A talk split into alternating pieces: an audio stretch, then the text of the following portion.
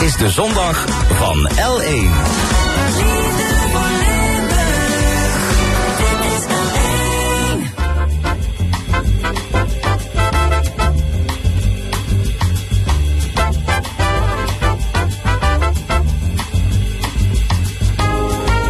De stemming met Frank Ruber en Paul Verstegen. Welkom bij de stemming met vandaag twee Limburgse VVD'ers blikken terug op het VVD-congres van gisteren. Alleen met woningisolatie lukt het om hoge energierekeningen omlaag te krijgen. En media-analyst Mark Josten over angstcultuur en grensoverschrijdend gedrag van Matthijs van Nieuwkerk in De Wereld Draait Door. En verder in het tweede uur het WK voetbal begint. En voetbal heeft heel veel met politiek te maken. Bij ons twee schrijvers. Koen Jansen schreef het boek 90 minuten oorlog. En Roberto Penino schreef Italië 1982. Verder de column van Nina Bokke. En het opiniepanel met Cor Bosman, Gabrielle Heijnen en Luc Hustings. Over de Maaslijn en andere actuele zaken.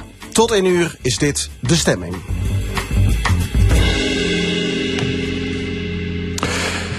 Hoe liberaal is het spreidingsbeleid van dit kabinet? Is het VVD-geluid nog herkenbaar genoeg? En is de houdbaarheidsdatum van leider Mark Rutte in zicht? Het zijn allemaal vragen die gisteren speelden op het landelijke congres van de Volkspartij voor Vrijheid en Democratie. Twee VVD'ers uit Limburg die waren er gisteren bij in Rotterdam en ze zitten bij ons aan tafel. Sebastian Vliegijs, raadslid in Voerendaal en Jacques van Hoppen, voorzitter van het lokaal netwerk VVD Parkstad en Omstreken. Jacques van Hoppen, ik begin met u. Um, gisteren is er een akkoord bereikt binnen de VVD over die spreidingswet. Rutte heeft gesproken en een meerderheid van het congres heeft gezegd... oké, okay, we gaan akkoord met die spreidingswet. Behoorde u ook tot de voorstemmers? Ik heb uh, inderdaad voorgestemd. Um, ik uh, was wel aan de voorkant kritisch daarover. Maar um, het hele pakket wat uh, gisteren is besproken... heeft mij in ieder geval doen besluiten om toch in te stemmen met die spreidingswet. Het hele pakket, wat moet ik daaronder verstaan? Nou, u moet zich voorstellen dat tijdens zo'n ALV heel veel moties worden ingediend. En het pakket van moties, er ging bijvoorbeeld ook een motie over veilige landers... dat die eerst terug moeten naar een land van herkomst... op het moment dat de situatie in hun land veilig is... Uh, er is bijvoorbeeld gesproken dat uh, statushouders uh, geen voorrang moeten krijgen op woningen ten opzichte van de starters in de regio. Er is gesproken dat je misschien niet na vijf jaar automatisch Nederlander moet worden, maar bijvoorbeeld pas over tien jaar en na vijf jaar moet evalueren hoe de situatie in het land van die mensen van de herkomst is. Maar het allerbelangrijkste is denk ik dat we hebben afgesproken met elkaar dat we veel meer gaan letten op de instroom. Waarom is die instroom in Nederland hoger dan in andere landen? En de VVD hebben in ieder geval een grote meerderheid aangegeven dat zij met die instroom zeer ongelukkig zijn. Als je vergelijkt uh, Denemarken, Zweden en hoe Nederland daarbij afsteekt, dan, uh, ja, dan hebben we daar wel met elkaar geconcludeerd dat daar vooral op ingezet moet worden. Nederland moet niet uh, zeg maar bij uitstek het land zijn waar mensen uit een ander land per definitie naartoe willen komen. Ja, Sebastian Vliegen, u was ook altijd heel kritisch over deze spreidingswet. U heeft natuurlijk tegengestemd. Ik heb tegen de spreidingswet gestemd. Maar ik begrijp wel dat die er komt. En ik sta er helaas ook achter, gezien het pakket wat Jacques van Oppen zojuist verteld heeft. Nou, dat, dat is een, een, een, een eensgezindheid uh, waar ik nog nooit van gehoord heb. Vertel. Nou, die eensgezindheid die zit met name in de details waar we het niet eens zijn. Maar die door samen te praten, want het congres was, uh, dat was gisteren van de VVD, eergisteren van de bestuurdersvereniging, waar alle raadsleden, statenleden, wethouders, kamerleden. We hebben het even over gisteren nog, hè? Ja. Op gisteren uh, zag je dat het voorwerk wat gedaan werd, is dat het meegenomen wordt in een discussie de dag erna gisteren. En er wordt gewoon gekeken naar, ik wil geen dwang, hè. daar hebben we de vorige keer hierover gesproken. Ik wil gewoon dat de gemeenteraad wordt gevraagd, wat willen jullie zelf? Ja, dat heel belangrijk voor het draagvlak, vinden jullie? Ontzettend belangrijk voor het draagvlak. Ja, ja, je kunt niet zomaar van landelijk iets bepalen. Maar dan zeggen jullie partijgenoot, nee, die spreidingswet moet er komen. We moeten gewoon aan, aan die aantallen, we willen niet meer dat, dat, dat er mensen buiten moeten slapen. Dus we moeten maatregelen nemen. De gemeentes komen niet over, over de brug. Uh, er is een mogelijkheid van geld betalen. En als dat geld niet helpt, dan moeten ze gedwongen worden. Daar bent u tegen. Ik uh, ben absoluut tegen de dwang. En wat je nu ziet is dat de dwang ook uit die wet is gehaald. Wat het, waar het nu om gaat is om mensen te belonen en duidelijkheid te geven aan gemeenten dat ze jarenlang weten hoeveel mensen ze moeten opvangen. Maar als gemeenten daar niet aan voldoen, dan worden, ze, dan worden de asielzoekers toegewezen. Dat klopt. En daarom dat, dat het ook zo belangrijk is om die instroom naar beneden te halen. Ja, nu heeft Rutte daar gisteren over gesproken. Wat heeft hij jullie concreet beloofd? Wat alleen Mark Rutte ons beloofd heeft, is dat hij ermee aan de slag gaat. Hij is de politieke leider van de VVD. Daarnaast is hij premier van een kabinet waar meerdere partijen in zitten. Ja. Hij heeft gisteren gesproken als onze politiek leider. Maar hij neemt dit mee naar het kabinet. En wat hij ook gisteren beantwoord heeft, is heel belangrijk om met de hele coalitieverband landelijk daar samen stappen op te zetten. Ja, nu is Rutte eh, een tijdje terug ook uit Qatar gehaald om in de fractie van de Tweede Kamer om daarover te spreken. Ook toen heeft hij gezegd, ik ga erover praten, we gaan het erover hebben, schouders eronder. Maar hoe concreet is dat? Nou ja, we hebben niet alleen gesproken met Mark Rutte, ook met Malik Asmani van de, onze Maar Europarlementariër. hoe concreet is zijn belofte? Wat heeft hij jullie nou concreet toegezegd? Waardoor heeft- jullie hebben gezegd, we gaan in twee derde akkoord met die spreidingswet. Hij heeft gewoon aangegeven, concreet. Jacob, ik, doe, ja, ik doe de toezegging dat die instroom gewoon beperkt gaat worden. Ja. We gaan hoe dan ook, we gaan dat eh, draaien. We snappen dat het heel erg eh, lastig ligt. Maar wat heeft hij beloofd? Ja, hij heeft gewoon zeg, zeg maar. En eh, welke denkrichting heeft hij dan aangegeven? Want ik, ik Oh, aan, zo, ja, ik snap- het, moet wel haalbaar zijn, hè? Nee, precies. Praten kan altijd. Nee, maar hij heeft bijvoorbeeld gezegd, wij moeten misschien nadrukkelijker het verdrag van Dublin eh, daarin hanteren. En wij, wij zijn misschien wat makkelijk aan de voorkant met mensen binnenlaten. Dus wij zullen ook meer richting de IND moeten aangeven waarop eh, geselecteerd moet worden. En ook zorgen dat niet iedereen maar voorbij die poort komt Ja, in Ter Apel. Maar je hebt te maken met internationale afspraken als het hier om gaat. Daar kun je niet zomaar dingen gaan veranderen. We kunnen niet als Nederland zomaar in één keer zeggen van... we doen niet meer mee. Maar dat kunnen ze in Denemarken ook niet. En dat kunnen ze in Zweden ook niet. En die houden zich ook aan die internationale verdragen. Eh, Maar kijk, de vraag is hoe dan de toestroom gecontroleerd kan worden... op een manier waarop jullie zeggen van... nou, Rutte, we vertrouwen dat. meer toezicht aan de poort. Dat betekent dus grenscontroles. ja, grenscontroles. Maar ook vooral voordat mensen bij Ter Apel binnenkomen. Dus je moet wel zorgen met elkaar dat je daar de selecties, de criteria die wij hanteren, ook strikt worden gehanteerd. En het blijkt en het lijkt erop dat dat niet altijd gebeurt. Maar hoe concreet, eh Sebastian Vliegen, is Rutte hierover gisteren geweest? Wat heeft hij daarover gezegd? Nou ja, alles wat Jacques zojuist verteld heeft, dat heeft Mark Rutte ook aangegeven. Inclusief dat je internationaal verdragen gewoon goed kunt toepassen. Je hebt op nationaal niveau best veel ruimte hoe je die zaken toepast. Maar jullie hebben dus geen harde toezeggingen gekregen gisteren... dat hij eh, iets gaat aanpakken waardoor jullie kunnen zeggen... oké, die spreidingswet kan er op deze manier door. Mijn harde toezegging als minister-president in een VVD-vergadering waar je als politiek leider is. Ja, maar praten is toch niet concreet? Nee, maar wij- aantal wij- ik ben raadslid in Voerendaal. Dat betekent dat ik het beleid bepaal in Voerendaal met mijn 14 collega's. Samen doen wij dat. Ik zit er nu als lid te praten met een ander lid die de politiek leider van onze club is. U was heel kritisch over die spreidingswet. Ik ben heel kritisch over de en er spreidingswet. waren heel veel VVD'ers die kritisch waren over die spreidingswet. En toch is hij met twee derde aangenomen. Ik begrijp dat niet helemaal. Maar we moeten toch stappen zetten en toch, en toch samen ergens naartoe een resultaat bereiken. Je kunt wel alleen maar nee blijven zeggen, maar de toestroom blijft. En iedere uur dat we debatteren over die spreidingswet, hebben we het niet over een, eh, de, de toestroom in te beperken. Daar moeten wij harder werken. Want daar ligt het echte probleem. Het probleem zit niet in die wet. Niet dat ik het daarmee eens ben. Maar je hebt het nu gewoon nodig als noodgreep. Terwijl ik denk gewoon oppakken. Maar vooral die toestroom die moet naar beneden. En de toekenning ook van het aantal mensen dat een permanente verblijfsvergunning krijgt. Bij ons Jacques is dat 85% elders 45% Jacques van Oppen, VVD, is altijd heel kritisch geweest over die spreidingswet. Heel veel VVD'ers zagen dat niet zitten. Die zeiden, je kunt het niet maken dat je gemeentes dwingt om eh, asielzoekers Maar toe te kijk, het, laten. het feit is, we kunnen niet de ogen sluiten voor de mensen die nu hier zijn. En daar moet op de eerste plaats een oplossing voor gevonden worden. Kijk, de mensen die er zijn, kun je niet zeggen van eh, we zetten die buiten de poort. Die zijn er. En vervolgens ga je zorgen dat die instroom beperkt wordt. Kijk, voor mij een gevoel, en dat durf ik je gewoon te zeggen, heeft Mark Rutte gisteren wel min of meer zijn politieke eh, bestaan, zeg maar, verbonden aan het feit dat hij heeft aangegeven van ik sta ervoor in, dat heeft hij letterlijk gezegd, dat die instroom eh, beperkt wordt. En ik bedoel, eh, we hebben natuurlijk nu met excessen te maken, hè, want we hebben natuurlijk ook heel veel Oekraïners die onder een ander regime hierheen komen, maar die moeten ook allemaal gehuisvest worden. Die vergroten natuurlijk met elkaar toch het probleem. En daar hebben we het ook niet over, maar vooral die asielzoekers uit andere landen, de, de, de, zeg maar de Noord-Afrikaanse landen en dat soort, daar moet veel strikter eh, op ge, geacteerd worden.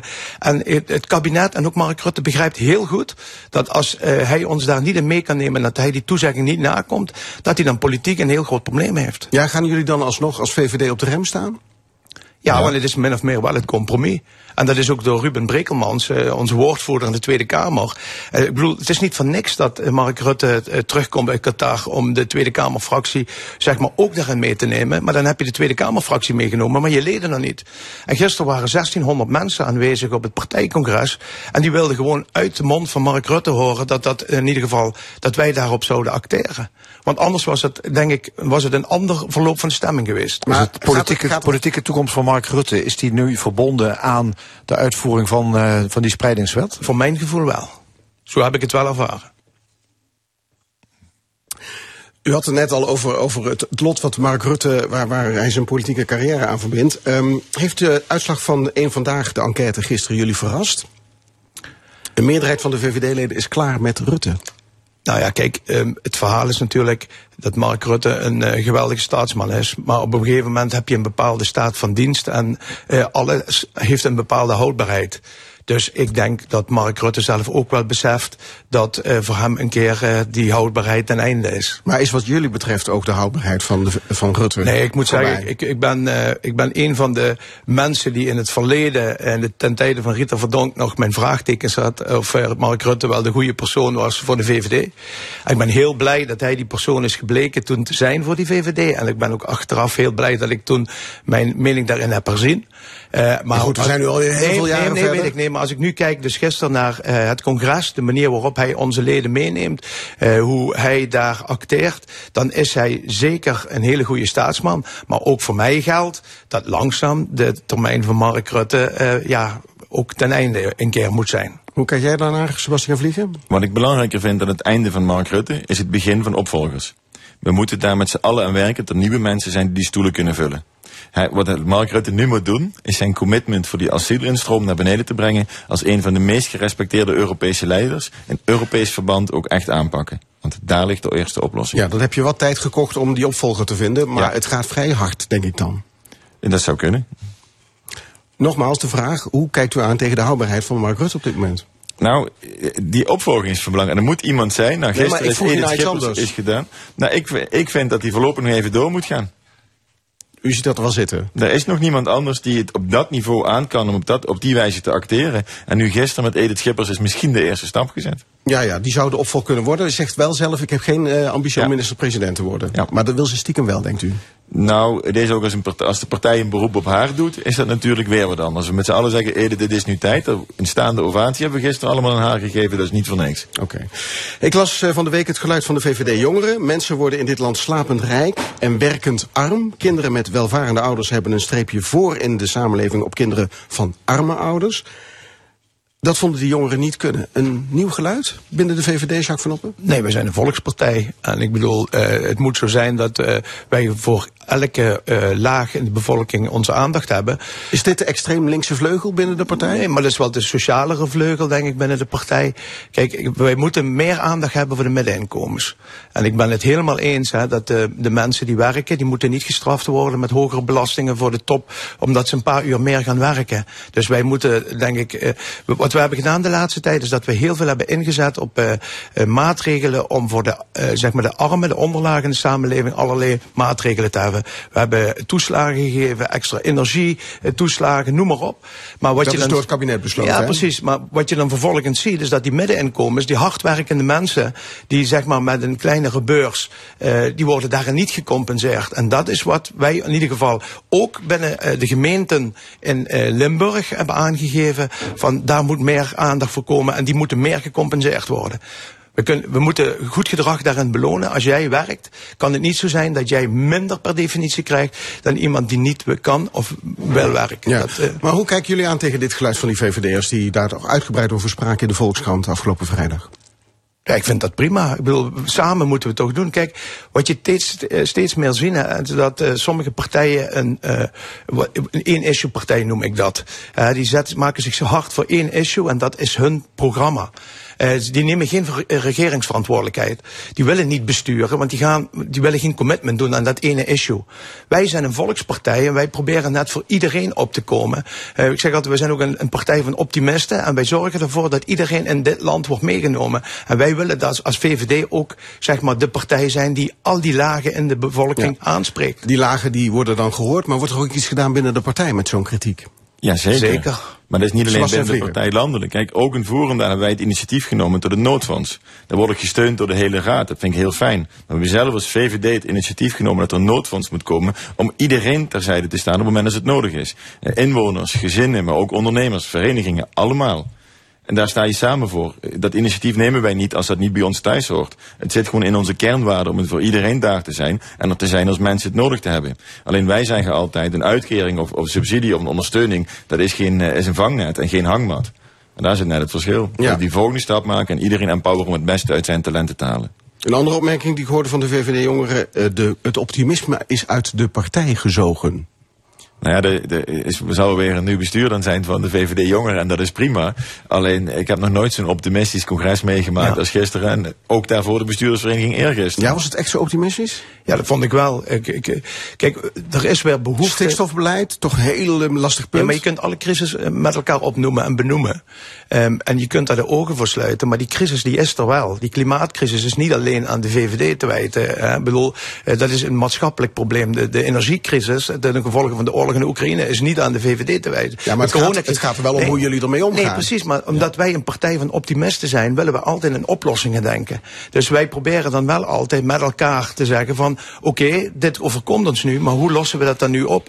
En wat je dan ziet bij zo'n congres, is dat als we samen in een grote ruimte komen te zetten, dat het uiteindelijk tot oplossingen leidt. En dat mensen heel erg eh, ja, veel energie putten. Het gesprek met de Kamerleden leidt er gewoon toe dat er meer draagvlak komt. En dat je ook meer inzicht krijgt. Want het, kijk, heel veel mensen hebben een mening, maar het ontbreekt vaak aan een stukje inzicht of achtergrondinformatie.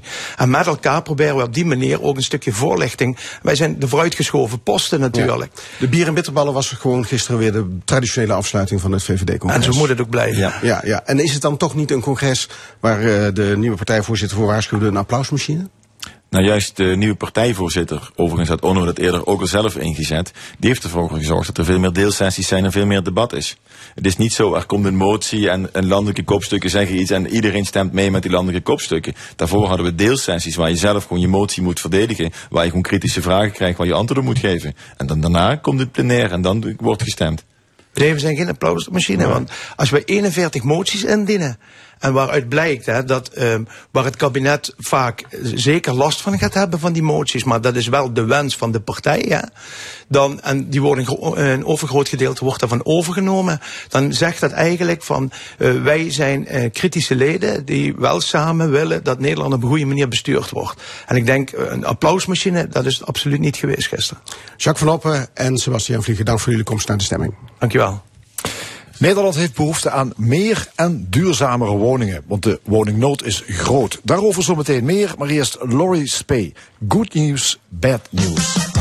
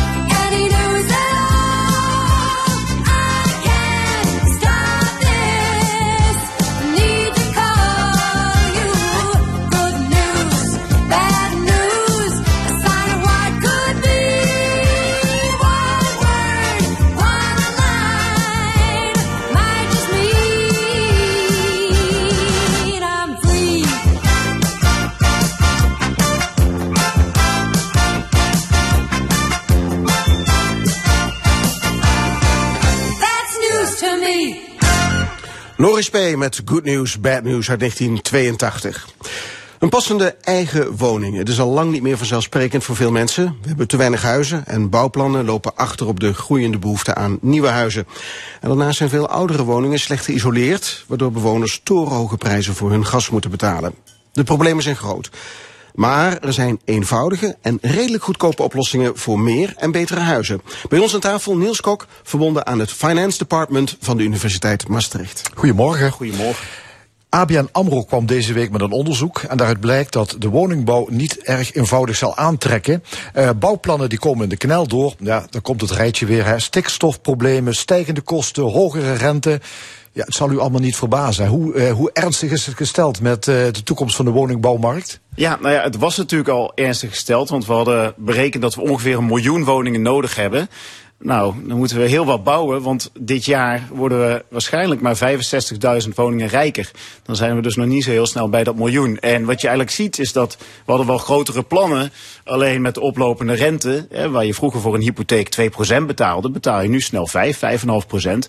En dan wordt het natuurlijk ook lastiger om eigenlijk zelfs als die woning gebouwd wordt, om die dan vervolgens te kopen. Ja, en de kosten lopen ook nog op van de, van de grondstoffen, dat weten we ook. Hè? Absoluut. Dus metaal, hout, wordt allemaal duurder. Ja, nou, nou, moet ik zeggen, even nuance, dat begint wel weer iets goedkoper te worden. Het komt natuurlijk ook van, van een heel hoog niveau.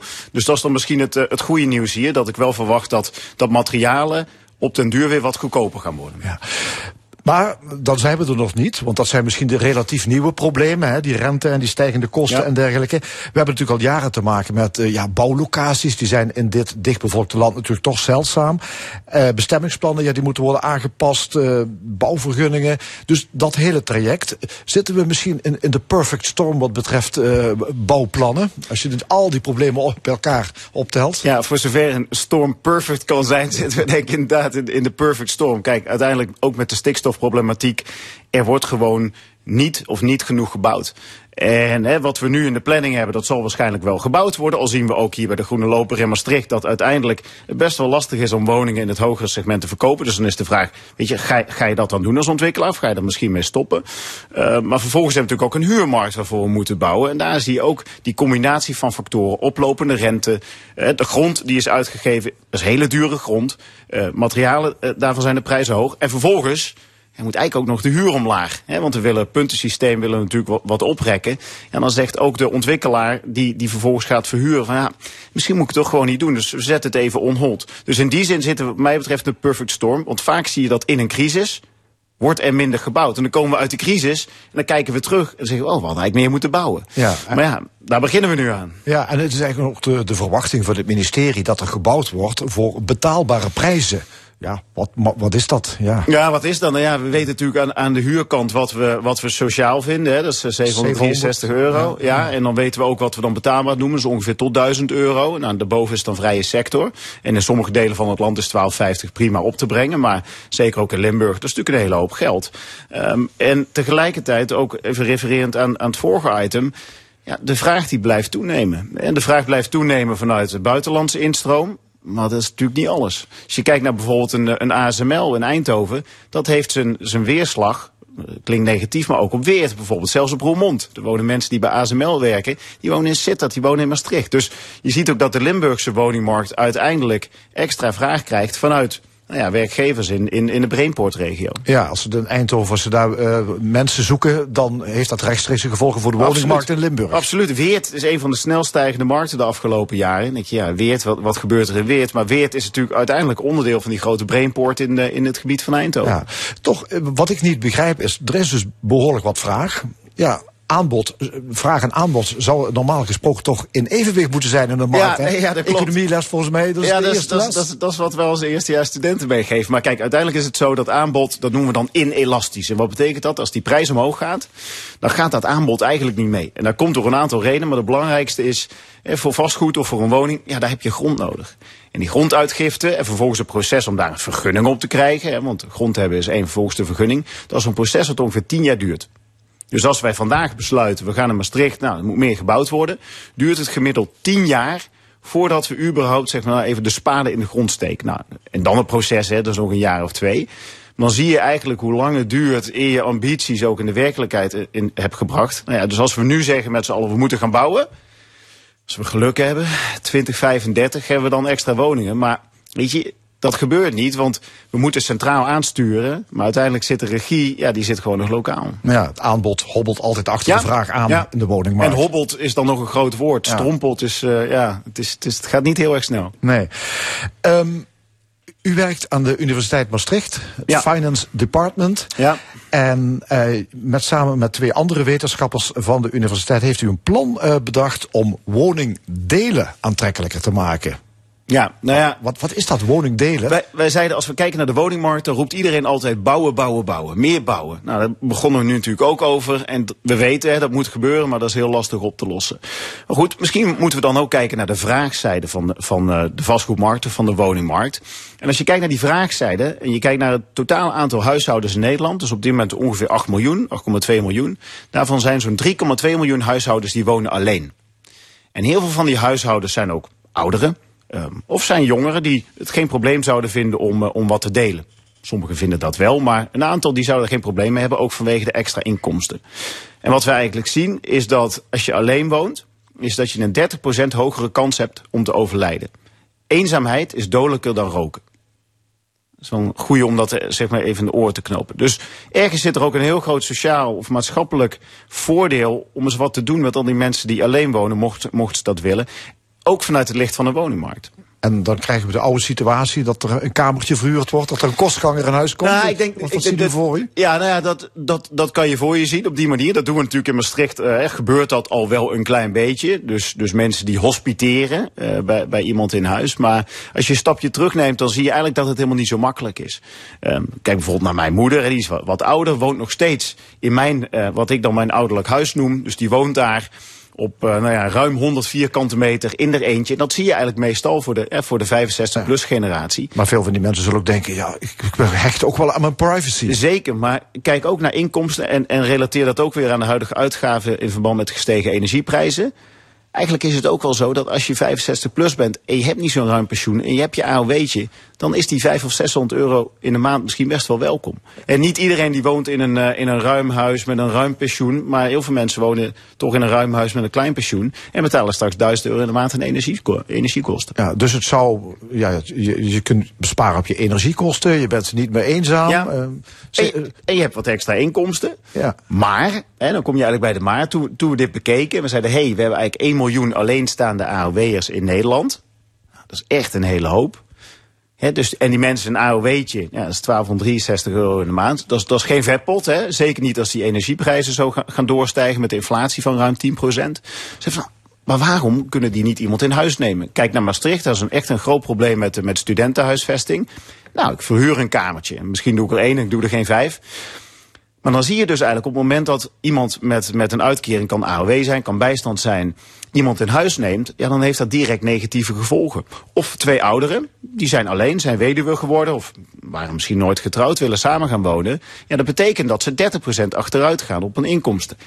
Ja, weet je, als dat, dat soort barrières er zijn, en de bijstand natuurlijk precies hetzelfde. Als ik onderverhuur, wordt direct van mijn bijstand afgetrokken. Mijn kind is 21, die moet eigenlijk het huis uit, anders gaat mijn bijstand omlaag. Ja, dus eh, je zou het makkelijker moeten maken, denken jullie, eh, financieel, juridisch, om iemand in huis te kunnen nemen, om je woning te delen met Absoluut. iemand. Kijk, het begint natuurlijk bij, bij onze overheid, waarbij je zegt: joh, als, als mensen met een AOW gaan samenwonen, ga ik niet direct die AOW korten.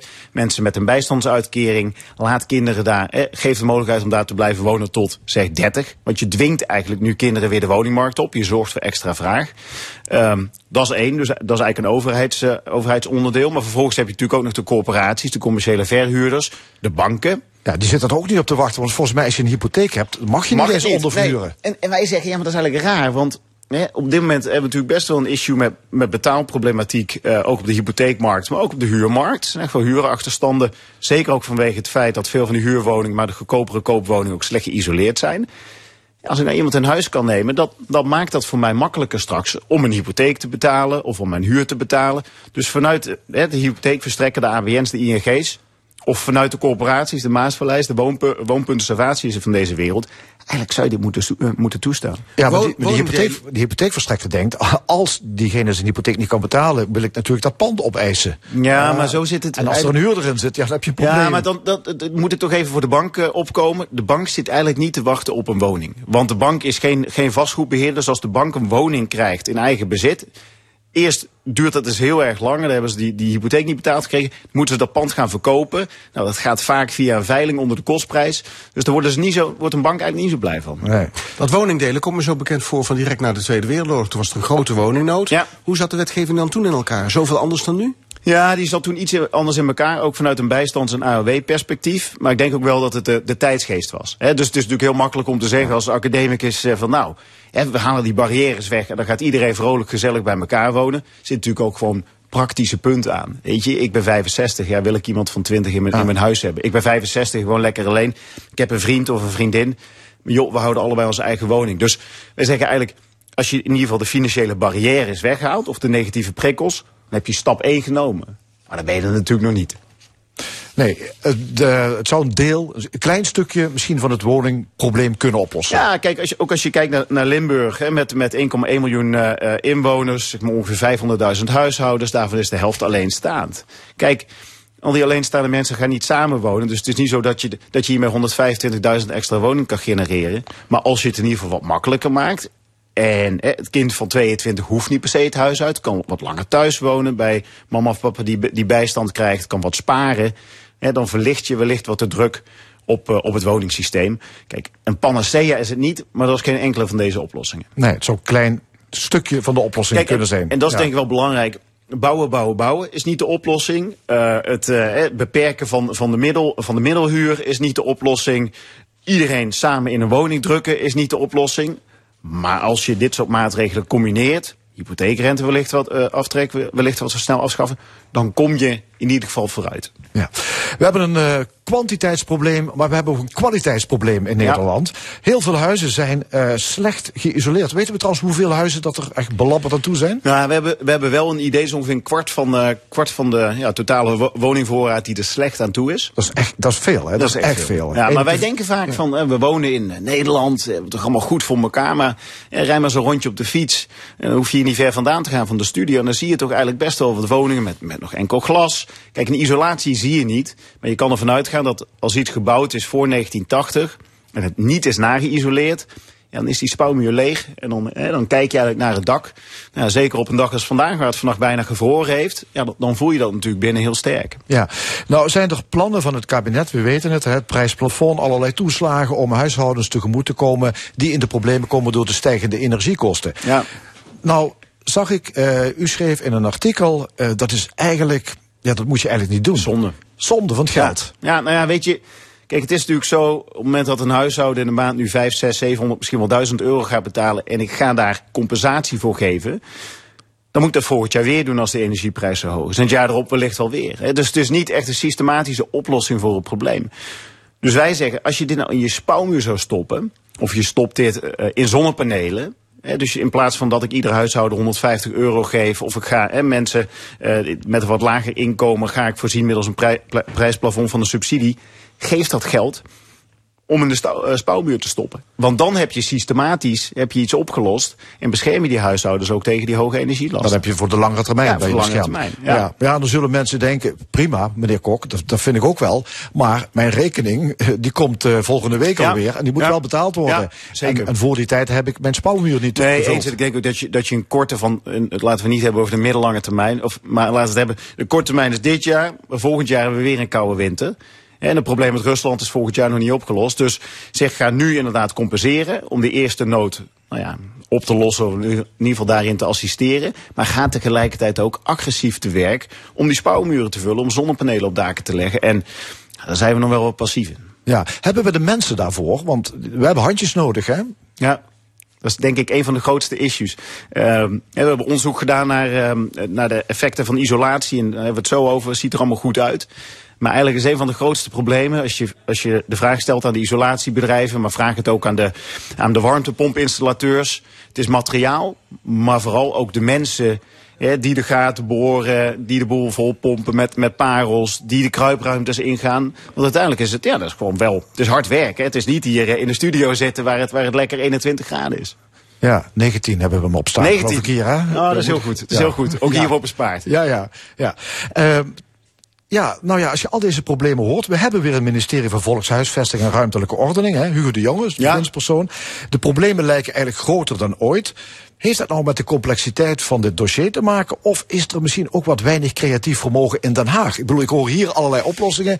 Zou eigenlijk ook van het ministerie moeten komen. Dit Ja, kijk, ik denk er ligt een rol voor Den Haag, een grote rol voor Den Haag, maar er ligt ook lokaal een rol.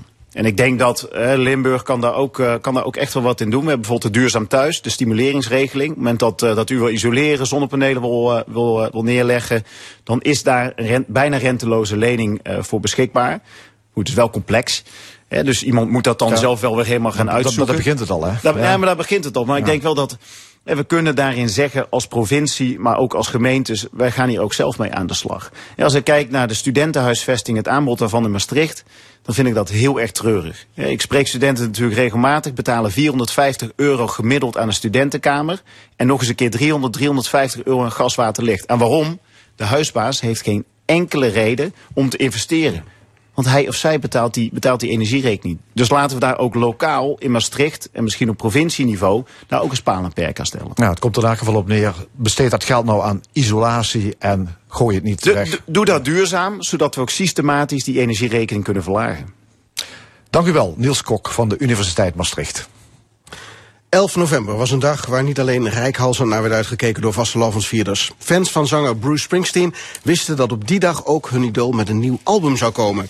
Op dat album Only the Strong Survive allemaal covers van klassiekers uit de soulmuziek. De reacties lopen uiteen. Van lovend tot zeer negatief.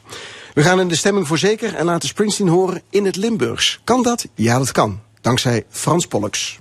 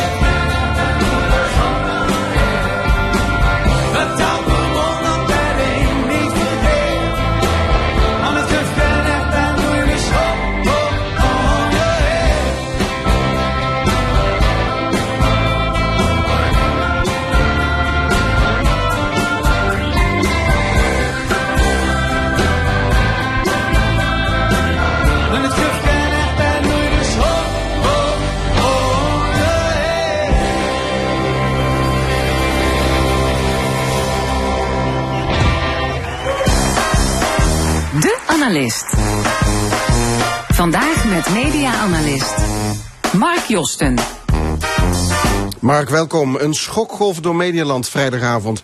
Matthijs van Nieuwkerk wordt door tal van medewerkers die hebben meegewerkt aan zijn tv-programma De Wereld Draait Door. Beschuldigd van grensoverschrijdend gedrag en tyranniek leiderschap. In de Volkskrant doen meer dan 50 medewerkers rondom het programma hun verhaal. Um, jij zit in dat Hilversumse als hoofdredacteur van Human. Deze verhalen, ken je die? Ja, die ken ik. En die ken ik ook al een, uh, een hele poos. Want uh, kijk, uh, Hilversum, dat is natuurlijk een... een dorp. Een dorp. Een, ja. Iedereen komt elkaar tegen. En je neemt ook af en toe personeel aan van een andere omroep. Dus men hoort nog wel eens wat. Nee, dit was, dit was niet, niet onbekend. En wat hoorde jij? Nou, niet, niet heel veel andere verhalen dan dit. Alleen dat het zo erg was. En op deze schaal, nou, daar beschok ik alsnog van. Toen ik vrijdagavond het voor het eerst las, dacht ik van nou, dit is wel de overtreffende trap van wat ik dacht. Ja. Woede-uitbarstingen, redactieleden ten aanzien van de hele redactie te kakken zetten... en visagisten ontslaan die een feun gebruikt die Matthijs van Nieuwkerk niet zenden. Ik dacht even, het gaat over de Maastrichtse industrieel Petrus Regoe. Ja, ja, ik, ik, ik snap het. Uh, die, die, die, ging, uh, wat is het, ruim 100 jaar geleden ook uh, heel erg tekeer tegen zijn personeel. Alleen er zit één groot verschil. En dat heb ik nog niet zo, zo gelezen in de krant. En ook niet in de televisieuitzendingen daarna. Kijk, die Regoe was baas van zijn bedrijf. Tyranniek leider. Maar Matthijs van Nieuwkerk is alleen de presentator je verwacht, en tenminste zo gebeurt het in de cultuur waarin ik werk bij Human, dat de eindredacteur, dat die in eerste instantie de baas is en niet de presentator. En dat daarna, als, als daar een, een conflict is, dat je dan nog een hoofdredactie hebt die soeverein is. Maar hier is dus ook die van Nieuwkerk, die is ook de ruimte gelaten om dit gedrag te tonen. Maar komt dit niet vaker voor? De Leeuw met zijn eh, shows, daar was toch heel duidelijk ook een eindredacteur. Maar Paul die had het gewoon voor het zeggen. Ja, en toch deugt dat niet echt, eh, het is, heel, het is een beetje alsof je een voetbalclub hebt waar niet de trainer de baas is, maar de spelers. Dat wordt anarchie. Uh, dus hier zit echt cultureel iets heel erg mis. Uh, en dat moet denk ik ook nu enorm aangepakt worden. Niet, hè, bedoel, ik ga niet. Ik ga is Matthijs dan de enige presentator die zegt van ja, ik zit met mijn kop op de buis, dus ik ben verantwoordelijk voor dat programma min of meer? Nee, dat is, dat is hij zeker niet. En ik ga Matthijs niet goed praten, maar wel twee dingen. Een, een presentatie is natuurlijk extreem kwetsbaar. Zeker als je dagelijks op televisie bent. Ik begrijp dat je wil dat alles perfect verloopt. Want jij bent toch voor het publiek, ben jij degene die het allemaal doet. In werkelijkheid ben jij natuurlijk alleen maar de speler in het veld. En zijn anderen verantwoordelijk. En die, die rolverwarring, die is echt heel ernstig. En nou ja, nogmaals, het is Matthijs van Nieuwkerk te verwijten, maar nog, vind ik nog veel meer de leidinggevende van, um, van Van Nieuwkerk. Ja, die hebben weggekeken. Die hebben weggekeken en, uh, en dat gebeurt natuurlijk op grotere schaal. Daar heb je gelijk in. Je noemt net Paul de Leeuw. Dat geval ken ik dan weer niet goed. Maar ik heb ook redacties meegemaakt waar ik dacht van... hé, hey, dat zit niet goed in de, uh, in de rolverhouding. Hier zijn uh, spelers die grijpen de macht. En als spelers de macht grijpen, dan is de anarchie in zicht. Kijk naar Ajax op dit moment. Dat gaat niet goed. Maar je hoort dus inderdaad dat er is weggekeken, omdat het argument was: ja, het is een hartstikke goed bekeken ja. programma. Ja, nee, maar dat, dat is natuurlijk ook zo. En, en ook, sorry dat ik weer met die voetbalmetafoor kom. Als jij een kruif in het veld hebt of iemand anders, ja, dan wordt er erg gauw uh, naar het oordeel van Kruif geluisterd en niet meer naar de trainer. En toch is dat niet goed. Terwijl echt uh, Van Nieuwkerk een Kruif van de tv was. Ja, ja, maar het is niet alleen Matthijs, ik hoorde in dat artikel ook heel duidelijk het verhaal. Er waren meerdere eindredacteuren die eigenlijk precies hetzelfde waren. Die waren het verlengstuk van Matthijs van Nieuwkerk. Ja, maar en daar zit nou precies het probleem. Die hoorden niet zijn verlengstuk te zijn. Dat las je ook echt goed in dat Volkskrant artikel. Dat uh, een eindredacteur vond X. En dan bleek dat Matthijs Y vond. En dan zag je meteen die eindredacteur zijn blad aan de boom draaien. In het bijzijn van een redactie. Die dan toch het standpunt van Matthijs koos. Dat is echt verkeerd. Het, het, het kan niet zo zijn dat een presentator de soeverein is op een redactie. Dan, dan is er echt iets mis met je Kom- cultuur. Ja, maar komt het meer voor in Hilversum, denk je? absoluut meer voor.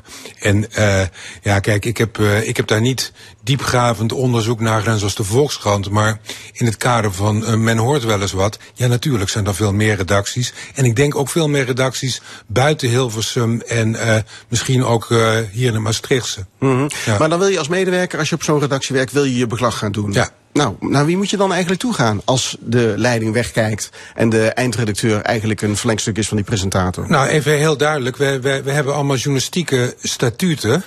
En we- van, de, van de code van Bordeaux op het allerhoogste niveau tot gewoon de redactiestatuten. En daarin staat een zogenaamd escalatiemodel. Dat staat daar heel helder. En als je dat niet hebt, dan word je er echt op aangesproken door het commissariaat voor de media. Dus als, laat ik even met Human vergelijken.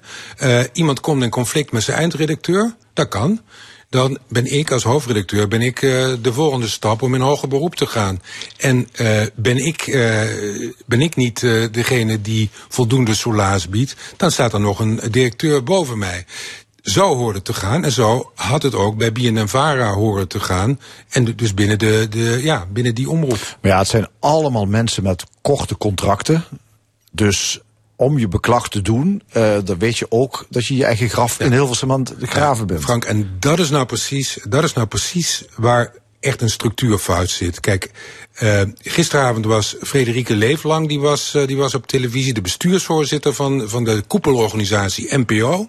Die had op zich best wel goede teksten. Ze heeft ook echt uitstekende dingen gedaan in het dossier Ongehoord. De, de- die heeft ze een tweede eh, sanctie opgelegd. Ongehoord Dus, Nederland, de ja. Ongehoord Ja, ja. Nederland. Het, het is echt een, een, een, een ferme vrouw. Ik vond haar gisteren niet zo heel erg ferm. En dat, eh, ja, dat zat er toch in dat ik vond dat ze te veel keek naar, ja, wat kunnen we ervan leren, et cetera, et cetera. Nou, één ding, dat staat als een paal boven water, dan kom ik bij jouw contracten. Die contractensfeer, die is echt killing. Die is killing voor iedere organisatie, want die zorgt ervoor dat mensen aan de top of mensen die de top grijpen, hè, zoals eh, Van Nieuwkerk, dat die echt letterlijk, om het plat te zeggen, met de ballen kunnen spelen van, Van de- mensen. van en Als- heers. Als, ja, precies. Als jij niet Het werd doet- ook uitgespeeld op de wereld. Nee, natuurlijk. Maar, en dat wordt, en laat ik daar eerlijk over zijn, dat wordt nog steeds uitgespeeld. Heel Hilversum, en ik weet niet hoe, dat, eh, hoe het hier zit, maar heel Hilversum is korte contracten, business. En ik steek nu hand in eigen boezem. Kijk, ik word gefinancierd door NPO en ik, ik, ik krijg geld voor de programma's van komend jaar. Dus ik weet pas aan het eind van het jaar hoeveel geld ik te besteden heb. Ik kan mensen niet een vaste dienst nemen, niet weet of ik geld voor ze heb. Dus, ehm de financiële basis laat dit toe. Die financiële, nee, die, die dwingt ertoe. Ik ben, kijk, ik zou echt iedereen die functioneert, zou ik een vast contract willen geven. Zou ik ook fatsoenlijk vinden. Alleen het systeem staat het niet toe. En dat systeem moet veranderen, want dat houdt meteen in dat dat voor deel- en heerspel, dat dat niet meer kan. Ja. Terug nou even naar Ja. eh, eh, de, de vervolgstappen. Want er wordt al aangekondigd door de, de minister die vindt dat er een onderzoek moet komen. Eh, ook eh, NPO heeft aangegeven. Ja. We gaan een onderzoek instellen. Lijkt me een beetje lastig om dit te doen. Dat geldt zeker voor, zeker voor mevrouw Leeflang. Want je bent in feite A, je eigen vlees aan het keuren. B, je hebt ook nog eens iemand in je top zitten, je direct naaste, die destijds verantwoordelijk was. Of om wiens verantwoordelijkheid dit allemaal is, heeft plaatsgevonden. En die nu verantwoordelijk is. En die nu ook verantwoordelijk is voor die hele contractenbusiness die, die jullie net. eh, Nou, eh, ja, daar ga je. Dat kan Nee, toch niet? Nee, kijk, het kan natuurlijk wel als je het door een onafhankelijke instantie laat doen. Je kunt het alleen niet zelf doen. Je moet niet zelf willen onderzoeken wat, je, wat, je, wat er En misgaat. dan geldt niet wie betaalt, die bepaalt. Dat hangt ervan af hoe je het, eh, hoe je het organiseert. En kijk, je- bent dus als. Kunnen ze dan als NPO er niet beter ver van blijven? Mark? Ja, maar hoe, hoe, hoeveel verder? Kijk, er moet natuurlijk. Hey, je kan zeggen, ik, eh, ik doe het onderzoek niet. Maar ik denk dat het beste is dat er hoe dan ook een onderzoek komt.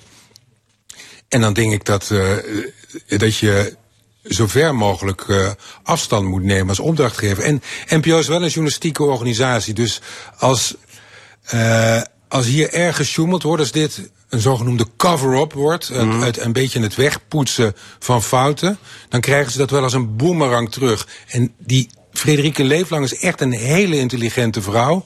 Ik denk echt dat ze te intelligent is om ehm, een club. eh, vriendjes dit te laten. Dat laat ze niet Maar gebeuren. gisteren hield ze eigenlijk die Frans Klein toch al een beetje de hand Ja. boven het hoofd, vond ik hoor. Ja, nee, Het is niet gebeurd in nee, mijn nee. tijd, ik ken het niet precies. Hij doet het nu heel erg goed. Als het gaat om inclusiviteit, toen dacht ik van daar ga je al. Nee, dat, kijk, ik doe het ook heel goed met inclusiviteit, kan ik je, kan ik je zeggen. Maar dat laat onverlet dat, eh, dat men heel kritisch op mij kan zijn. Ook als ik dit type fout heb gemaakt. Want voor mij mag dat onderzoek ook heel breed zijn. hè. Ik, bedoel, ik, ik wil me daar ook kwetsbaar in opstellen. Als ik fouten heb gemaakt in dit, laat ze maar komen. Ik, eh, ik, ik, ik wil en kan me verantwoorden. Maar het moet uiteraard ook voor Frans Klein en voor alle anderen die, denk ik, meer verantwoordelijkheid voor dragen dan ik, moet dat gelden. Ja, ik heb op een of andere manier de idee, maar het is natuurlijk nog kort eh, na, nadat eh, de publicatie heeft plaatsgevonden, dat dit veel meer impact heeft dan bijvoorbeeld The Voice. Waar zit hem dat in? Nou, daar, daar, daar is denk ik ook een hele logische verklaring voor te geven. Kijk, op zich is het allemaal best wel even erg. Al is bij de voorspeler nog seksueel misbruik. Dat is, vind ik, nog wel een stapje erger trouwens. En het, maar wat echt ook wel heel, heel groot verschil is. De Voice was bij commerciële televisie. Wat hier gebeurt is door een publieke organisatie wordt dat gedaan, betaald door de belastingbetaler, voor, eh, voor de, de Nederlandse bevolking gemaakt. Publieke omroep om het journalistieke evenwicht in Nederland te bewaren. Dat moet heel gewetensvol gebeuren. En niet alleen in beeld, maar ook achter de camera. Dit, je kunt niet uh, schizofreen zijn en zeggen van nou, uh, met mijn smoel in beeld ben ik een hele lieve, aardige jongen en uh, ben ik de ideale schoonzoon. Maar achter de schermen, daar, daar doe ik waar ik zin in heb. Dat kan niet. Mark Josten, dank voor je analyse. En tot zover het eerste uur van de stemming na 12 uur. Het wereldkampioenschap voetbal begint vandaag, het WK. We spreken met twee auteurs die een boek schreven over de wederzijdse beïnvloeding van voetbal, politiek en samenleving. Dat dadelijk.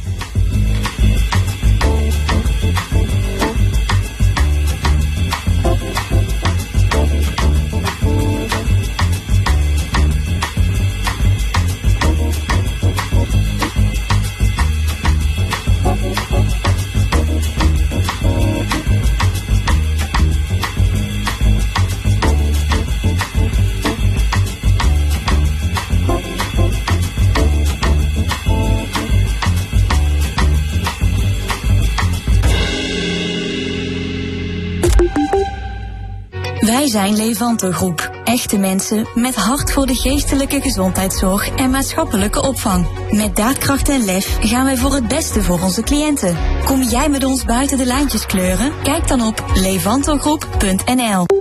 Het is Black Friday Week bij Maasmechelen Village. Geniet een hele week lang van kortingen tot 50% op de outletprijs.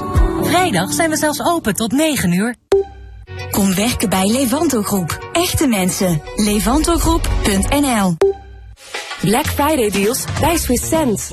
Nu tot 20% voordeel op bedden. 1 plus 1 gratis op veel matrassen en nog veel meer acties. Bezoek een van onze winkels of ga naar swisssense.nl. Iemand jarig? Verstuur je feestelijke felicitatiekaart met de handige Kaartje To Go app. Waar en wanneer je maar wilt. Download hem nu. En als je nieuw bent bij Kaartje To Go, is je eerste kaartje gratis. Kaartje To Go, de leukste kaarten maak je zo. Dames en heren, welkom bij de bingo. Het allereerste getal van vandaag. Ja, het is Black Friday Week bij bol.com met deals waar je ja tegen zegt. Met alleen vandaag parfum van onder andere Lancôme en Davidoff met tot 60% korting op de adviesprijs. Dat is pas besparen. Scoor snel alle Black Friday deals bij bol.com. Die ga jij verrassen met een verjaardagskaart van Kaartje To Go? Stuur je eerste kaartje gratis. Jou helpen gezonder te leven. Dat staat bij ons voorop. En dus helpt VGZ je graag met beter eten en beter slapen. Dat doen we nu ook met leuke uitdagingen in de gratis Mijn Leefstijlcoach app van Albert Heijn. Je vindt de app en meer op vgz.nl slash gezond leven. Coöperatie VGZ. Voorop in gezondheid en zorg. Voor iedereen. Feesttaart met logo? Gefelicitaard.nl Altijd iets te vieren. Van mini-tractoren tot grondverzetmachines, hoogwerkers en verrijkers. Met Bosmans Machines wordt je werk makkelijker. Huur, koop of lease. Supersnel geleverd uit ons ruime assortiment. Niks leveren, snel leveren. Kijk op bosmansmachines.nl Een nieuwe badkamer, tegels of sanitair? Vasen Tegels en Sanitair zal u verrassen met talloze ideeën. Ook voor alle renovatie- en bouwwerkzaamheden is Vasen in Urmond uw partner. Kijk op vazen-tegelwerken.nl. Een machine huren voor jouw klus? Je regelt het snel op bosmansmachines.nl. Dit is L1 met het nieuws van 12 uur. Marnik Zampersen met het NOS-journaal. In de Amerikaanse stad Colorado Springs zijn vijf mensen doodgeschoten in een LHBTI-nachtclub. Nog eens 18 mensen raakten gewond. De dader is ook gewond geraakt en gearresteerd. Motief is nog niet bekend. Westerse leiders reageerden teleurgesteld op het slotakkoord van de klimaattop in Egypte, dat afgelopen nacht werd bereikt. Onder meer premier Rutte en eurocommissaris Timmermans vinden dat het akkoord tekort schiet, omdat er geen nieuwe afspraken zijn gemaakt over het terugdringen van de CO2-uitstoot. Er is wel overeenstemming bereikt over een fonds voor klimaatschade in ontwikkelingslanden. Het Wereld Natuurfonds is daar tevreden over, maar noemt het een doemdagfonds, omdat er op de top over het beperken van de opwarming niets extra's is afgesproken. De Russische troepen die zijn teruggetrokken uit Gerson worden verplaatst naar de Donbass in het oosten van Oekraïne. Dat zegt de Oekraïnse legerleiding. De Russen zouden naar de regio's Donetsk en Lugansk trekken. Volgens de Britse inlichtingendiensten is het terugtrekken van de Russen uit Gerson beter verlopen dan eerdere terugtrekkingen. Zo zijn er nu tientallen voertuigen verloren gegaan, terwijl dat er eerder honderden waren. In de VS zijn op een veiling tientallen liefdesbrieven verkocht van Bob Dylan. In de brieven uit de jaren 50 zijn gekocht door een boekwinkel in het Portugese Porto... voor omgerekend 650.000 euro. Dylan heette tijdens de periode van de brieven nog Robert Zimmerman... en het duurde nog jaren voor hij zou doorbreken. In de brieven aan een meisje is te lezen dat hij haar mee uitvraagt naar een optreden... en hij schrijft gedichten voor haar. De brieven werden gevonden na de dood van de vrouw. Het weer op steeds meer plekken bewolking en vanuit het zuidwesten regen. In het binnenland wordt het net boven nul. In het westen maximaal graad of 5. Vanavond in het oosten kans op wat sneeuw. Vanaf morgen minder koud, maar blijft wisselvallig. Dit was het NOS Journaal. Nobamacare is er voor mensen met een kwetsbare gezondheid en geheugenproblemen. Wonen met hoogst persoonlijke zorg en aandacht. Nobamacare.nl Ho, ho, ho. De kerstdiscounter is weer geopend. Kerstartikelen tegen de laagste prijzen op 7000 vierkante meter. Geen show, maar bijna alles cadeau. De kerstdiscounter. Zeven dagen in de week geopend. Bij Budgetplant in Venlo. Samen op weg naar boven. Ben jij er de komende wedstrijden ook weer bij? Steun Roda JC en koop nu jouw halve seizoenkaart. Probeert het van afstand door de vente. RodaJC.nl slash seizoenkaart. Op zoek naar de perfecte badkamer en volop keuze en de mooiste merken en uitsluitend de beste materialen en vanzelfsprekend de beste installateurs? Kom naar Bad Body. Maak een afspraak op badandbody.nl en het genieten kan beginnen. Dat is de N van Bad Body. Ga naar Technisch Bureau Aarts in Borren. Bij Klaverblad draait het om mensen. Onze arbeidsongeschiktheidsverzekering is er speciaal voor zelfstandigen die met hun handen werken. Als dat door ziekte of een ongeval niet meer kan, helpen wij u met geld of bijvoorbeeld omscholing. Dat is een zorg minder en dat helpt. Vraag uw adviseur naar de gewoon goede AOV van Klaverblad. Specsavers streeft al jaren naar betaalbare hoorzorg voor iedereen. Daarom betalen Specsavers en uw zorgverzekeraar echt 100% van uw hoortoestellen. En daarin is Specsavers anders dan veel andere audiciëns. Stel, u heeft alleen een basisverzekering van Mensis en twee hoortoestellen in categorie 4 nodig. Dan is uw eigen bijdrage bij Schoneberg 324 euro. Maar bij Specsavers audiciëns is dit 0 euro. Kosten eigen risico en oplader kunnen wel van toepassing zijn. Benieuwd wat u kunt besparen? Ga naar specsavers.nl slash besparen. Dit is de zondag van L1.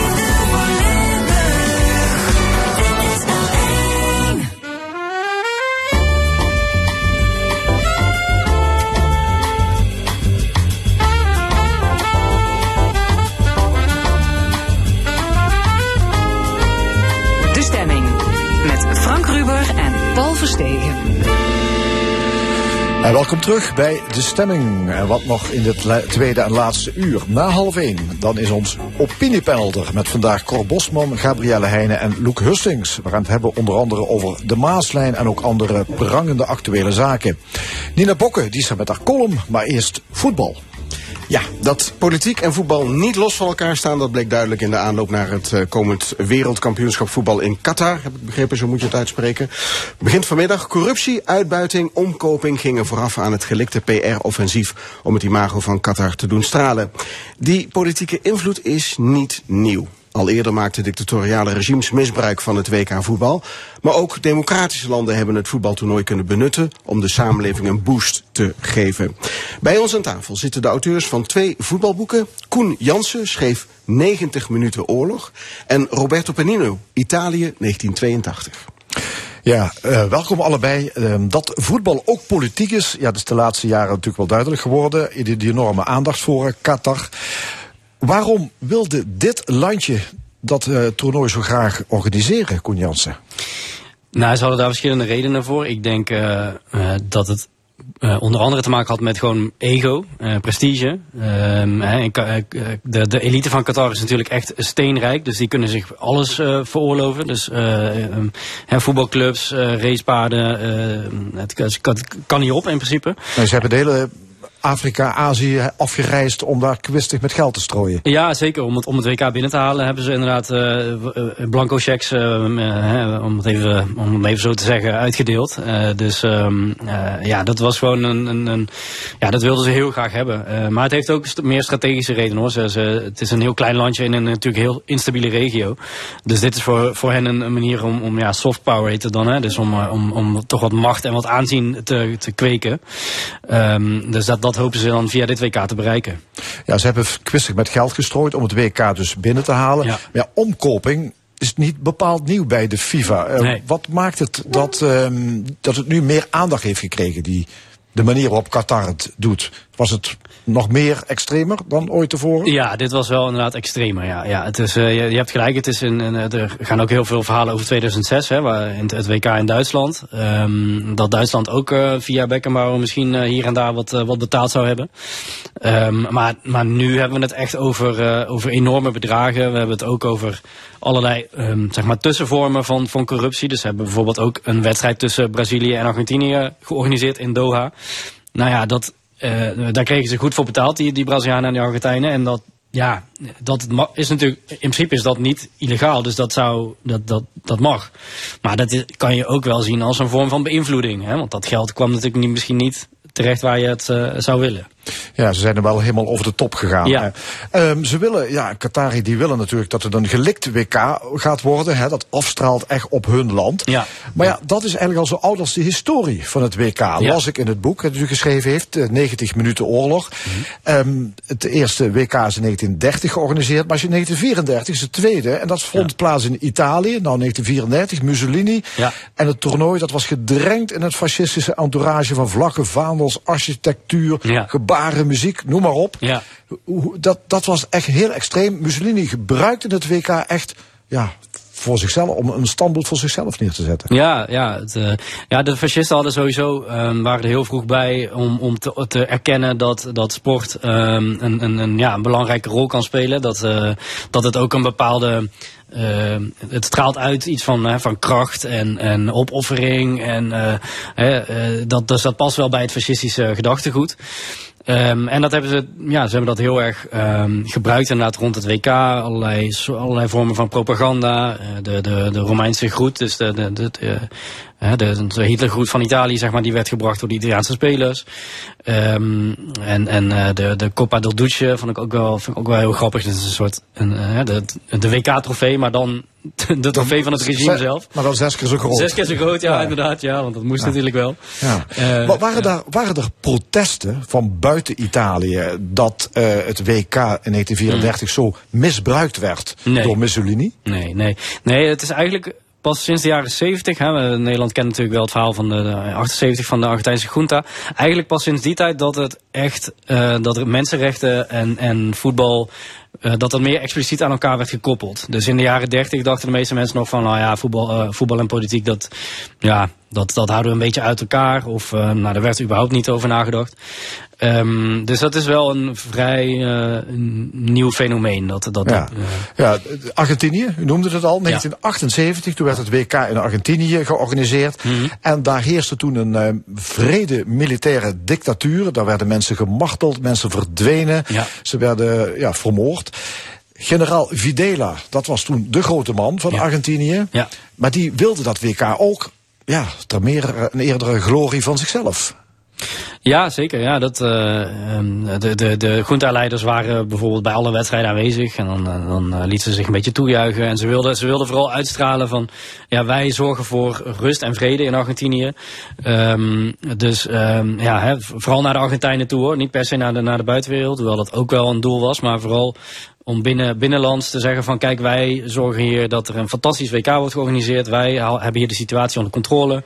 Uh, dus ja, je kan op ons vertrouwen. Ja, maar, maar volgens mij is dat behoorlijk mislukt. Want Ja. um, zeker in, in Nederland kwamen de protestacties. Hè, Freek de Jonge natuurlijk, bloed aan de paal. Ja. Um, en de, de wereld kreeg juist zicht op, die, op dat gruwelijke regime. Ja. Dus voor Videla is het eigenlijk mislukt. Nou ja, deels. Um, uh, want in Argentinië zelf was hij ongeveer op het hoogtepunt van zijn populariteit. Dus nadat we, hè, ze wonnen natuurlijk, dat, dat ja. helpt natuurlijk ook heel erg. Maar mensen, uh, miljoenen, nou, tientallen miljoenen mensen gingen de straat op. Er was een algehele euforie. Uh, dus in het land zelf um, was hij ongekend populair op dat moment. Uh, in het buitenland inderdaad was het wel gedaan met zijn, met zijn reputatie. En zeker in Europa. Um, ja, waar ook nog gesuggereerd werd dat het Nederlands elftal misschien wel uh, lichtelijk bedreigd ja, werd. Ja. Op weg naar het stadion. Door, doordat de bus door allerlei volksmeuters heen moest. Ja, ja. ja, ja dat zijn allemaal ja, een, een beetje intimidatiepogingen zou je dat kunnen noemen. Ja. En er zijn natuurlijk ook geruchten van omkoping. Hè. Dus uh, nee, ja, die, die, die, die junta uh, is, is voorgoed um, ja, bekend in Europa door, door ja, mede door dat WK. Ja. ja. En als we dan kijken naar Italië. Het WK in 1982 in Spanje. Daar floreerde Italië als nooit tevoren. Jij hebt daar een boek over geschreven, Roberto Panino. Um, waarom dat boek nu op dit moment in de winkel?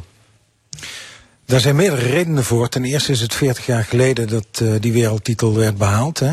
Um, in Nederland bestaat nog steeds het idee dat Italië dat met negatief voetbal heeft, uh, heeft bereikt. Ik vind dat niet. Ik ben niet geheel uh, onbevooroordeeld, omdat ik, uh, ja, ik heb ook de Italiaanse nationaliteit. Ik was als jongetje was ik voor Italië. Ik had het ook makkelijk, dat toernooi, in zekere zin omdat Nederland niet meedeed. Um, maar dat toernooi komt niet uit de lucht vallen, want jullie hadden het net over 1978, hè, het toernooi in, in Argentinië. Ja. Het verschil met uh, Qatar, moet ik geloof ik zeggen, is wel dat dat toernooi werd toebedeeld aan Argentinië op het moment dat er geen dictatuur was. Hè. Het was nog niet van Videla. Videla kwam pas in de jaren 70 op.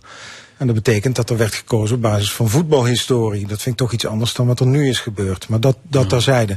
Het team van Italië dat in 1982 uh, begon aan het toernooi... was grotendeels gebaseerd op het team van vier jaar eerder. En uh, het, het land...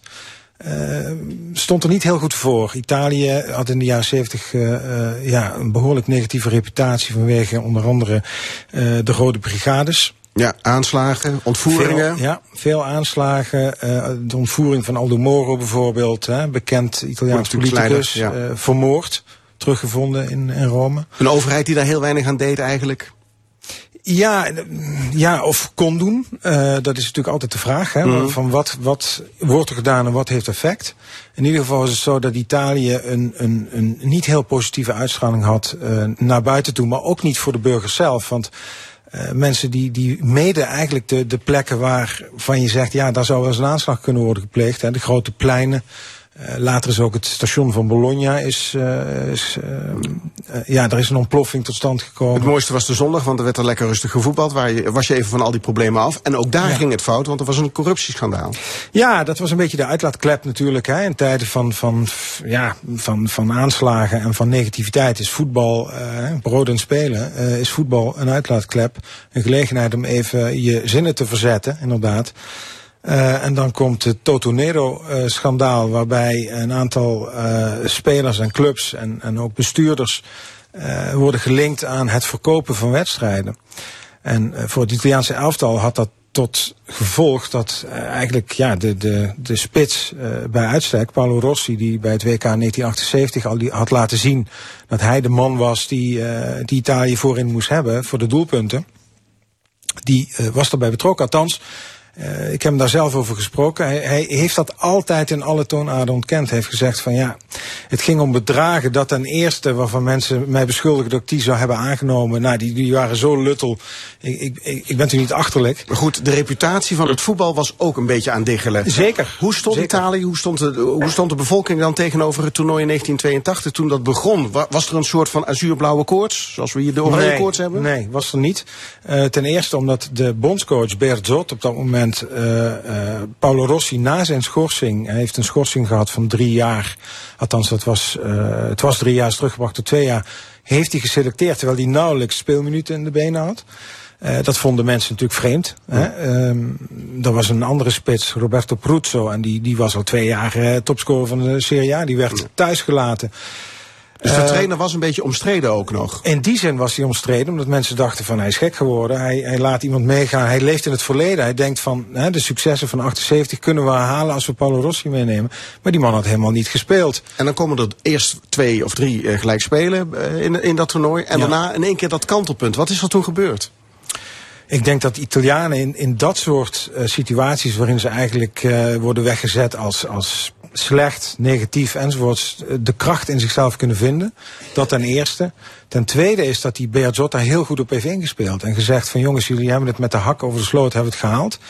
Maar um, we hebben niks meer te verliezen. Tweede ronde spelen we tegen wereldkampioen Argentinië, tegen de grote favoriet Brazilië.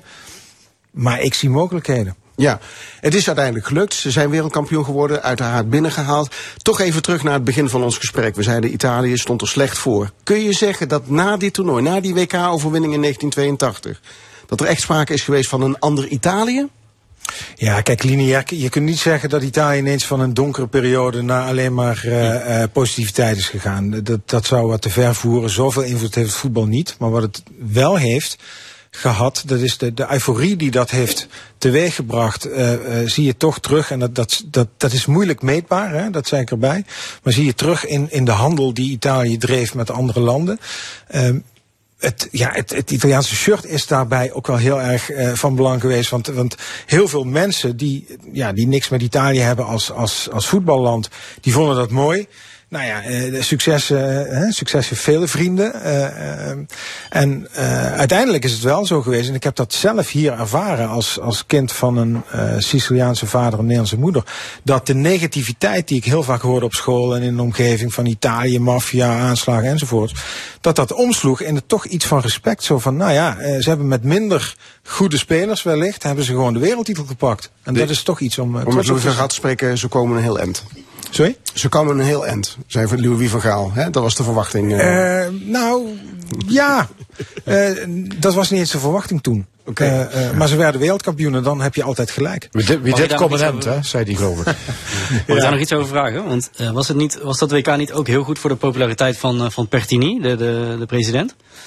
Ja, zeker. Uh, uh, en ik snap waarom je die vraag stelt. want uh, is politiek en voetbal in zoverre ook in de positiviteit met elkaar mm. verweven? Mm. ja, zeker. Want Partini stond op, het, op de eretribune in, in, in Bernabeu in Madrid bij de finale. Ja. Stond hij te juichen. En die man was al 80 volgens mij op dat moment. Die stond te juichen als, als, zoals iedere fan. Ja. Hij ging eigenlijk uit zijn dak. weliswaar op een nette manier. Maar Uh, dat heeft hem inderdaad uh, uh, wel wat positiviteit opgeleverd. Alleen, bij hem speelde wel dat hij al voordat het toernooi begon duidelijk liet merken dat hij voor Italië was en dat hij die spelers ondersteunde. Dus ja, het was niet opportunistisch op die kar springen van oh, ze hebben nu succes, dus kijk mij nou even.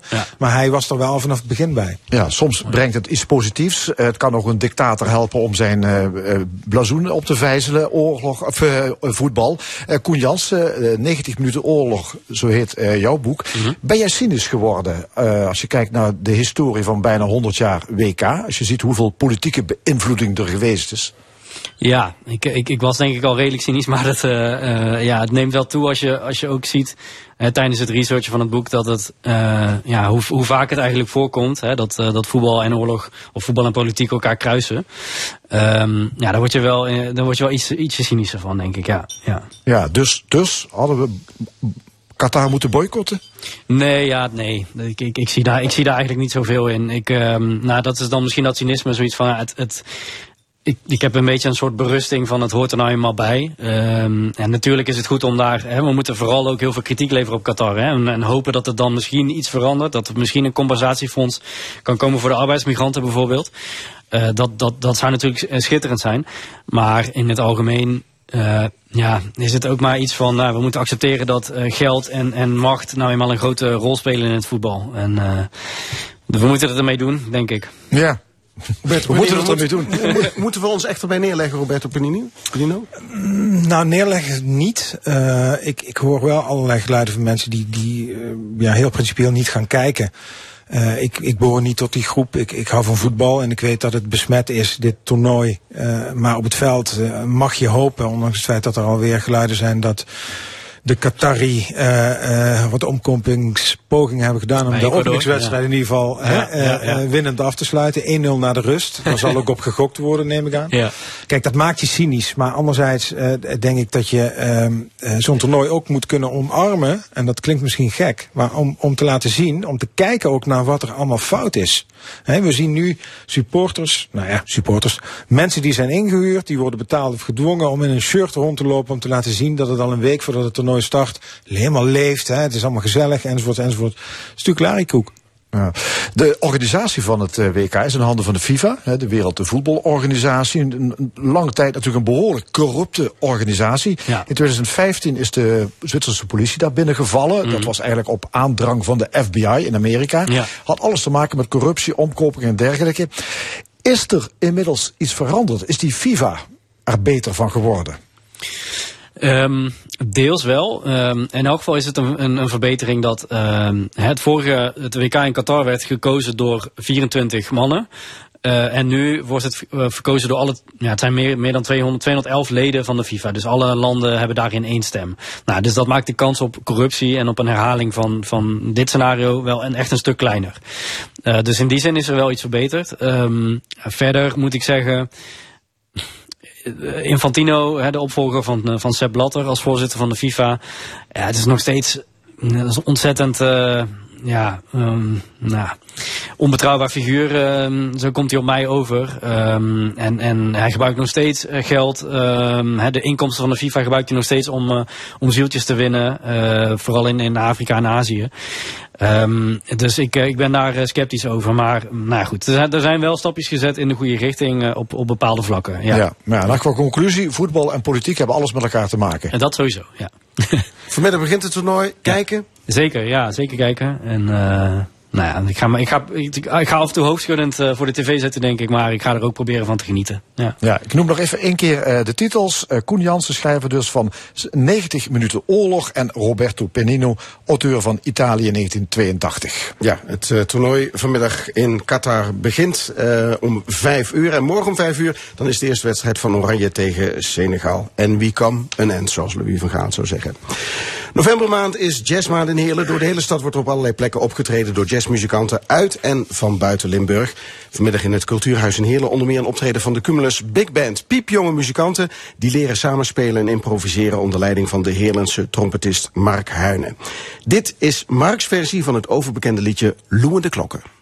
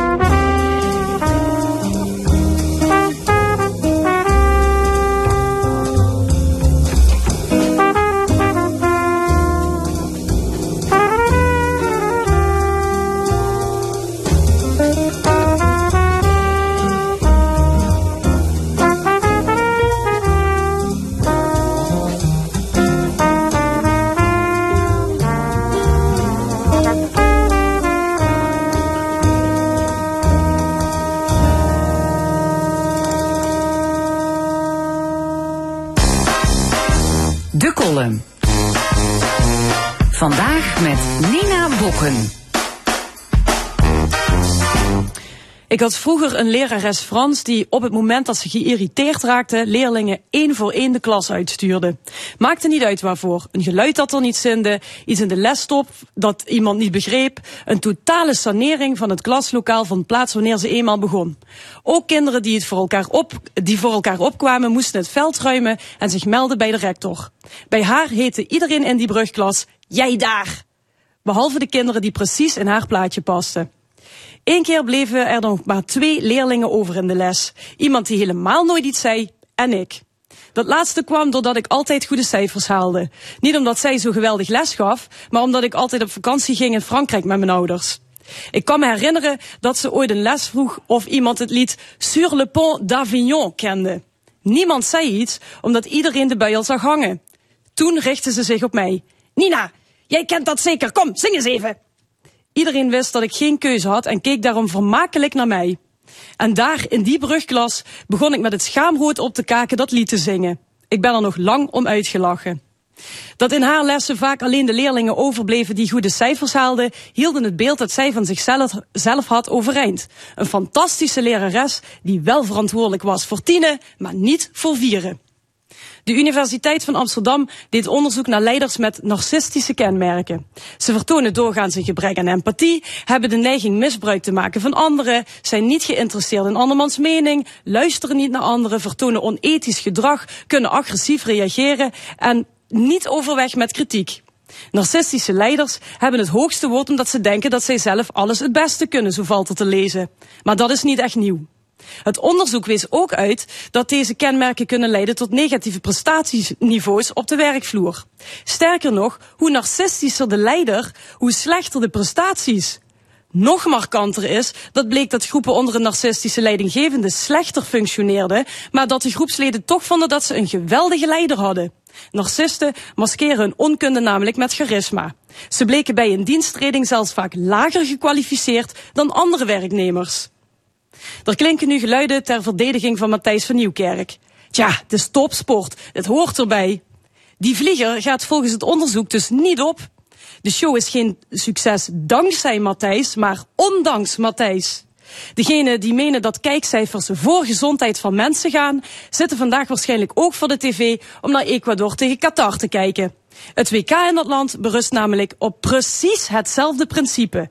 Voor geld en kijkcijfers mag alles wijken. Of zoals FIFA-directeur Gianni Infantino zei in reactie op de kritiek rondom arbeidsomstandigheden. Hard werken maakt trots. Een moderne interpretatie van arbeid macht vrij. De Franse vertaling daarvan ken ik niet. Mijn liefde voor die taal is sinds het zingen van dat lied in die brugklas namelijk vervlogen. Ja, het komende half uur is de beurt aan ons opiniepanel uh, met uh, de modernisering van de Maaslijn. Kunnen we nog compacter bouwen? Is het een goed idee om een extra parlementair college van gedeputeerde staten te vormen? En we gaan nog naar het klimaatakkoord kijken. Het discussiepanel bestaat vandaag uit winkelier Cor Bosman uit Roermond, CDA-fractievoorzitter Gabrielle Heijnen uit Maastricht en Loek Hustings en hij is communicatiespecialist. Welkom allemaal. Het kabinet trekt vele miljarden uit voor het openbaar vervoer, maar niet voor het opkrikken van de Maaslijn. Je weet wel dat dieselboemeltreintje dat op doordeweekse dagen tussen Roermond en Nijmegen tuft. Vaak met vertraging, omdat delen van het traject maar uit één spoorlijn bestaan en altijd chockvol is. De opwaardering van de Maaslijn staat al jaren op het wensenlijstje van de provincie. Waar gaat het mis, Gabrielle Heijnen? ja, als ik ProRail nu op dit moment uh, hoor, gaat het mis uh, toch door de oorlog in Oekraïne. Hè? Dus uh, stijgende bouwmaterialen, schaarste ook in, die, in die materialen. Um, dat wordt nu als hoofdreden aangegeven en dat geloof ik ook wel. Dus ik denk op zich dat uh, de wil er wel is, maar dat dit een onvoorziene omstandigheid is waar men nu ja, niet omheen kan. Maar goed, het gaat echt helemaal van de lijst even, hè? Uh, nee, als ik de staatssecretaris uh, Viviane Heijnen hoor, uh, gaat dit project zeker door. en gaan er ook nu gesprekken voeren om te kijken ja, hoe we dit inzichtelijk kunnen gaan maken in aanloop naar 2027. Hè, want het gaat nu van 2024 naar 2027. Ja goed, het is ook nu kijken natuurlijk ook met de oorlog in Oekraïne. Ja, alles is heel onzeker om te plannen. Ik bedoel, bij de aanbestedingsprocedure waar, was er geen enkele marktpartij die dit aandurfde. Dus ja, dan ja, dan zit je ermee, ja. Loek Hustings, er is niks aan te doen, zegt... De Noord-Zuidlijn gaat gewoon door, hè? Oekraïne of niet. Dus ik denk dat um, de politieke wil een beetje ontbreekt. Ik denk dat het grote probleem is dat um, die Maaslijn ligt in Limburg. Dat is heel, veel weg, heel ver weg van Den Haag. Mm -hmm. ja. En uh, dat dus het, het hemd is nader dan de rok dat probleem wordt daar niet zo gevoeld, wordt niet zo ervaren. Dus... Het, uh, als je bedenkt dat het merendeel van de leden van de Tweede Kamer uh, zich concentreren in een straal van 70 kilometer om Den Haag heen, daar wonen ze, het merendeel daarvan. Ja, dan hebben die wel andere dingen in hun hoofd. Dat is hun raison d'être. Daar zijn ze mee bezig. Mhm. Wat er in Limburg gebeurt is heel leuk natuurlijk, maar dat is te ver van mijn bedjong, volgens mij. Vivian is het daar volgens mij niet mee, of uh, Gabriel is het daar niet mee eens. Nee, maar weet je, dat, dat, die Calimero-rol eigenlijk, die wij onszelf altijd eigenlijk aandoen. Hè, ja, ik, ik vind dat gewoon weg uh, onzin. Dit is, een van de groot, dit is een extreem groot project voor Nederlandse begrippen. Het is een van de langste uh, spoorlijnen. Ook voor ProRail is dit een enorm groot project. Als je in het begin van het jaar al de berichtgeving van ProRail hebt beluisterd, geven zij ook aan. We zullen op allerlei um, spoorlijnen moeten kijken wat we wel en wat we niet kunnen doen. En waar kunnen we, zeg maar, de pijn verzachten, wat geven we prioriteit? Um, dus maar je, dit is je, niet ziet, al sinds gisteren, hè, Gabriel? Nee, maar je ziet dat het probleem nu door de stijgende bouwmaterialen, dat, dat speelt zich niet alleen nu bij de treininfrastructuur, dat gaat zich ook in andere bouwprojecten, dat speelt overal. Dus dit heeft niks te maken met uh, uh, politieke onwil, dit is een onvoorziene omstandigheid. En ik, ik vind het echt een beetje te makkelijk om dan weer te gaan zeggen, ja, als Limburg worden wij weer uh, weggezet of komen we als laatste aan bod. Volgens mij is dat helemaal niet aan de orde hier. En daar los je ook helemaal niks mee op trouwens. Tien jaar geleden was die noodzaak al, hè? Ik bedoel, de urgentie wordt daar niet gevoeld. Dat is en blijft mijn mening. Ja, Cor Bosman. Ja, ik sluit me toch helemaal aan bij, uh, bij, uh, bij mijn tafelgenoot, Loek. Want, Wie, wie? Oh ja. Ja, want, want uh, um, Kijk, de oorlog in Oekraïne, natuurlijk eh, drijft dat de bouwmaterialen, de kosten van, drijft dat allemaal omhoog. Maar dit is gewoon een heel zwak excuus. Zoals Loek al terecht aanduidt, in mijn statenperiode, is inmiddels al tien jaar geleden, toen was de Maaslijn was ook al prioriteit. Die stond hoog op de politieke agenda. Uh, in die tijd, of tussen toen en nu, het is een, gewoon een never-ending story. Nut en noodzaak waren tien jaar geleden al bekend, uitvoerig beschreven in rapporten. Maar vervolgens, wat ga je dan krijgen? We hebben, verschillende, uh, we hebben te maken met verschillende provincies. Limburg, Noord-Brabant, uh, Gelderland. We hebben te maken met verschillende gemeentes. We hebben te maken met overheidsregeltjes. We hebben met een PIP, met een MER. Uh, noem maar op, allerhande gein en ongein. Wat de, de uitvoering iedere keer op de lange baan schuift. Ja. Waardoor we nu op dit moment... Uh, de nut en noodzaak ligt er nog altijd. 20.000 reizigers per dag. Uh, lijn die overvol is iedere dag. Eén lijn ter beschikking waar een dieseltreintje overheen boemelt. Elektrificatie is gewoon, als je zeker kijkt naar de huidige maatstaven, is dat gewoon een must. Alleen inmiddels zijn de kosten door het uitstel alweer opgedraaid tot 300 miljoen. En daar is het eind nog niet van in zicht. Uh, provincies, gemeentes, die ruzien nog, het Rijk ruzie het nog van wie gaat wat betalen. Provincie Limburg had destijds een pot met geld klaar liggen. Nee, maar dit klopt, is, dit klopt helemaal niet. Nee, nee maar nou, nou, bepaalde nog, dingen nog, zijn nee, gewoon nog, gedane nog, zaken. Nog één dingetje, Gabrielle. Want in 2020 zouden wij al daarmee beginnen. Het betekent klopt. dat de aanbestedingsprocedures al voor 2020, dus voor aanvang van de Oekraïne-oorlog, uh, uh, was gedaan moeten zijn. Nee, omdat er, nee, maar kort, bepaalde dingen zijn gewoon gedane zaken. Allereerst, uh, in eerste instantie lag de taak bij de provincies. Ja. Dit is geen kerntaak van de provincies. Toen is er ook een overeenkomst met het Rijk uh, afgesloten, omdat men ook eigenlijk uh, aangaf, dit gaat ons de pet uh, te boven. Dus dat zijn eigenlijk allemaal al gedane zaken. Er zijn inderdaad foute kostenramingen geweest. Toen is het project ook al naar 2024 verlengd. Dus vandaar ook de aanbestedingsprocedure in uh, 2022 nu, in maart. Maar als ik één voorbeeld mag geven, de Noord-Zuidlijn, die is ook acht keer of zo uitgesteld. Allerlei grote, zeker als het op treininfrastructuur gaat, worden uitgesteld. worden altijd duurder. Dus dit is niet uh, uh, uniek in die zin voor hier in het zuiden. En als ik nog één voorbeeld mag geven. ProRail heeft begin dit jaar als voorbeeld gegeven de walserijen. Hè, die dus staal omtoveren in spoorstaven. Die zien ook hun energieprijzen stijgen en hebben de productie neergelegd. In maart en april kregen zij dus geen spoorstaven voor 60 kilometer. Dan moet je dus denken tussen Utrecht en, en Rotterdam. Aan spoorlijnen. Dus daar heb je gewoon mee te maken. Dus als wij dat nu hier willen gaan afdoen als ja, weet je, Limburg, wij worden weer, uh, uh, wij zijn weer de zondebok. Er ligt gewoon een nette verdeelsleutel tussen het Rijk en de provincie, 50-50. 50-50, Dus, dus Ja. dat ligt er allemaal al. Dus dat is, ja. in die zin is dat gewoon kul. Ja, Ja. en in Den Haag zit trouwens wel Vivian Heijnen. Ik maakte daar net eh, Ja. een, een ongelukkige verspreking, maar die had ik in mijn hoofd. Staatssecretaris, Limburgse van hier tot Ginder. Die moet er voor ons belang opkomen? Dat zal, ze, dat zal ze ongetwijfeld ook doen. Alleen ook Vivian Heijnen, die is ook gebonden aan de Haagse Mores. Zij kan ook geen, als we het dan over, eh over eh, railsen hebben, zij kan ook geen ijzer met handen buigen. Dan, maar het, het, het, het politieke, eh, het, het alles wat er politiek omheen hangt, dat is zo stroperig. Als ik als ondernemer op die manier moet ondernemen, dan was ik al 600.000 keer failliet geweest. Dit kan gewoon niet. Nut en noodzaak ligt er gewoon. En ik ben het niet helemaal eens met, eh met Gabrielle wat ze zegt van dit is, dit is geen, geen, eh, geen zaak van de provincie. Provincie is wel. Dat heb ik niet gezegd. Ik heb gezegd, het hoort niet bij de kerntaken. En in eerste instantie Nou, was een alleen de, de kerntaken provincie... van, van, van een provincie is de bereikbaarheid over water, lucht, land. Limburg hoeft niet over regionale infrastructuur te gaan. Dat wij daar al 100 miljoen in geïnvesteerd hebben, is heel, heel bijzonder. Ja, maar die 100, En- die en- 100 miljoen investering had meer te maken met de dadendrang van de destijds gedeputeerden. In eerste instantie Patrick van den Broek en daarna Hubert Makkers. Had meer te maken met de dadendrang.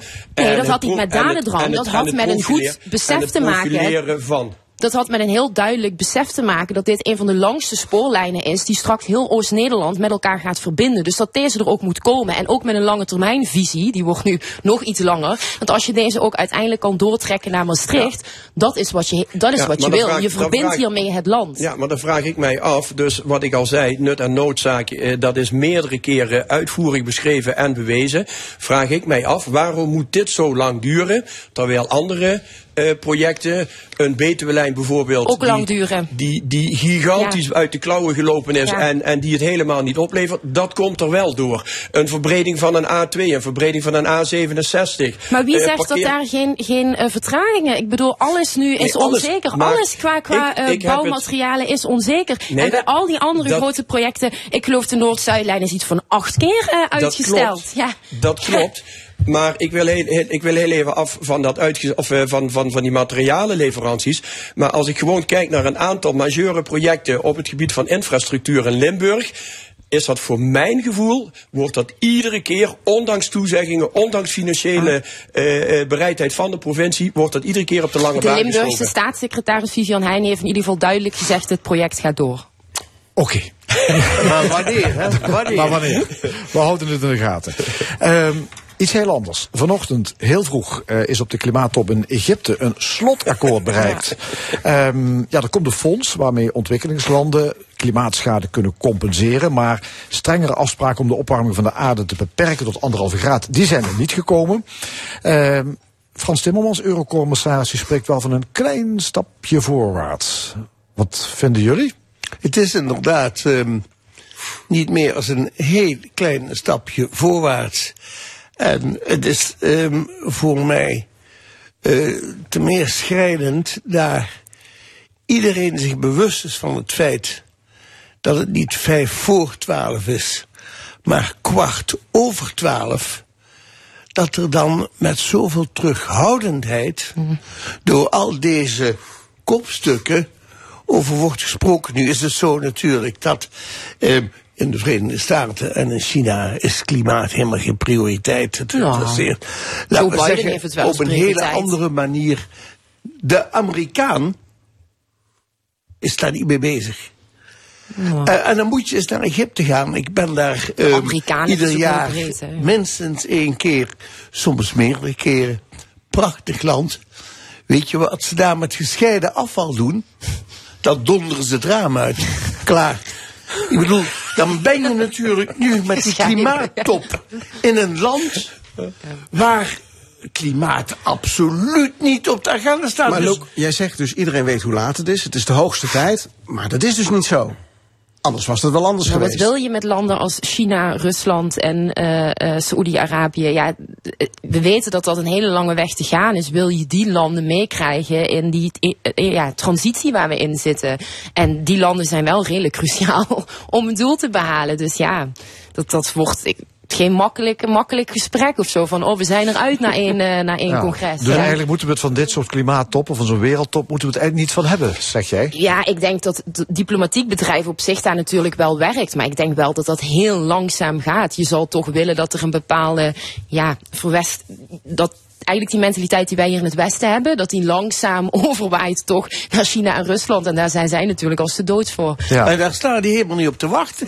Die zijn met hele andere dingen bezig. En nou neem bijvoorbeeld Egypte. Ik heb jullie net het treffende voorbeeld gegeven van de... ehm eh, van de gescheiden eh, afvalinzameling. Eh, volgens mij heeft dat land levert ook de voorzitter. Moet je je voorstellen, in zo'n land, met zo'n mentaliteit, praten over de prioriteit van, van eh, het klimaat. Ja, dat kan natuurlijk, dat kan niks opleveren. Ja, nou ja, laten we kijken, misschien toch even positief naar kijken. Er is wel iets gekomen, hè, het compensatiepunt. Dat Nou ja, was een dat is heikel punt. Hè, dat betekent dat de westerse landen veel meer moeten gaan meebetalen voor klimaatschade die optreedt in arme landen. Maar dat is toch dweilen met de kraan open dan, als je aan de, aan de andere kant eigenlijk niks doet. Niet? Ja, kraan en, gaat, ja, en gaat China nou daar dan ook aan meebetalen? Want volgens mij was dat nog steeds niet zeker hoeveel China daar ook in gaat. gaat Ja. ja. ja, dus ja, ik vind dat allemaal niet, ja, ik vind dat eigenlijk niet zeggend. Ja, je, je, je vroeg om het positief te houden, maar als ik dit hoor, Ja. ik, ja, eerlijk gezegd, de tranen rollen bijna over mijn wangen. Eh, wat is dit? Dit compensatiefonds. Dit is gewoon van Afrika, hou je bek, wij compenseren jullie. En niet meer zeiken en niet meer zaniken en niet meer zeuren. Wij compenseren jullie. Wat jullie met het geld doen, dat mag je zelf weten. En wat Gabrielle terecht zegt, de grootste, de, de grootste vervuiler is nog altijd China. En wat zegt hij heel tactisch en diplomatiek? Van ja, eh, wij houden ze heel even op de achtergrond. Eh, ze steken de nek niet uit. ze geven niet aan van het compensatiefonds, dat is er nu. Maar het is niet duidelijk wie wat gaat betalen. Nederland zal waarschijnlijk als het braafste jongetje van de klas daar procentueel het grootste gedeelte weer in gaan stoppen. Dus eh, Rutte die heeft ook weer zijn dingetje gedaan. Lossen we daar het probleem mee op? Nee. Zijn we, zijn we voldongen van nut en noodzaak? Ja. Wat doen we eraan? Niks tot helemaal niks. Zijn wij cynisch geworden? Ja, een beetje wel, ja. Maar dat komt ook, denk ik, ook door die oorlog in Oekraïne en Rusland en dat hele geopolitieke spel met China, zeg maar. Ik denk dat dat al helemaal niet dit soort gesprekken natuurlijk bevorderen. Dus, Het eh, lijkt langzaam dat die oorlog in Oekraïne het doekje voor het bloeden gaat worden. Ik hoor dat nu voor de tweede keer als argument. Ja, maar het speelt, het, het speelt op heel veel facetten. Ook de hele de, de handelssamenwerking met China staat natuurlijk ook wel onder een groot druk. Hè. Dat heeft natuurlijk allerlei eh, eh, redenen. Ook in hoeverre China ook hier eigenlijk eh, infiltreert. Maar ook die oorlog in Oekraïne speelt daarbij mee. Dus dat heeft zoveel invloed ook denk ik op dit soort gesprekken. Hoe je op die manier Ja, samenwerkt. maar, het- ja, maar de oorlog in Oekraïne. dat maakt het allemaal wel heel, heel so- somber, vind ik. Ja, maar Loek, Loek zegt, ja, begin een, een, een doekje voor het bloeden. Het, het, het lijkt mij meer een schaamlab te zijn voor allerhande excuses die we, die we nu kunnen gaan verzinnen. Want we moeten niet de ogen sluiten voor, als we gewoon de laatste 30, 40 jaar pakken, hoeveel oorlogen daar op wereldniveau impact hebben gehad.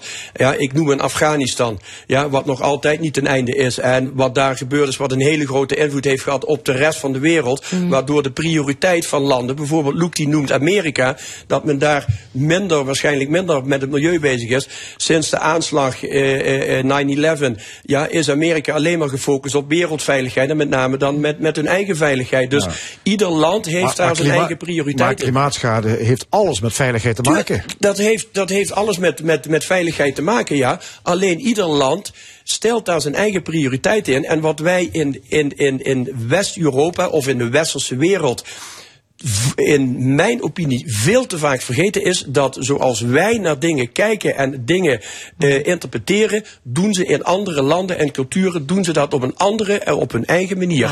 Een Chinees die denkt op een hele andere manier over dezelfde zaken als wij.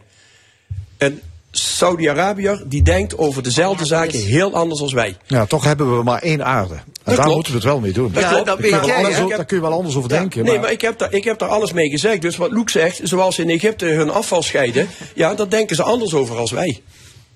Op diezelfde aarde. Van de wereldproblematiek naar Limburgse problematiek. De Universiteit Tilburg onderzocht in opdracht van de provincie het extra parlementaire college dat de provincie heeft bestuurd tussen 2019 en 2021. Een college zonder coalitie en zonder coalitieakkoord, die voor elk besluit op zoek moeten dan naar voldoende steun in, uh, in, in, uh, in de provincie, de provinciale staten. Een manier van besturen die zeker voor langere tijd niet wenselijk is, zeggen de onderzoekers in hun rapport. Wie van jullie was verrast door deze conclusie? Ja, ik niet.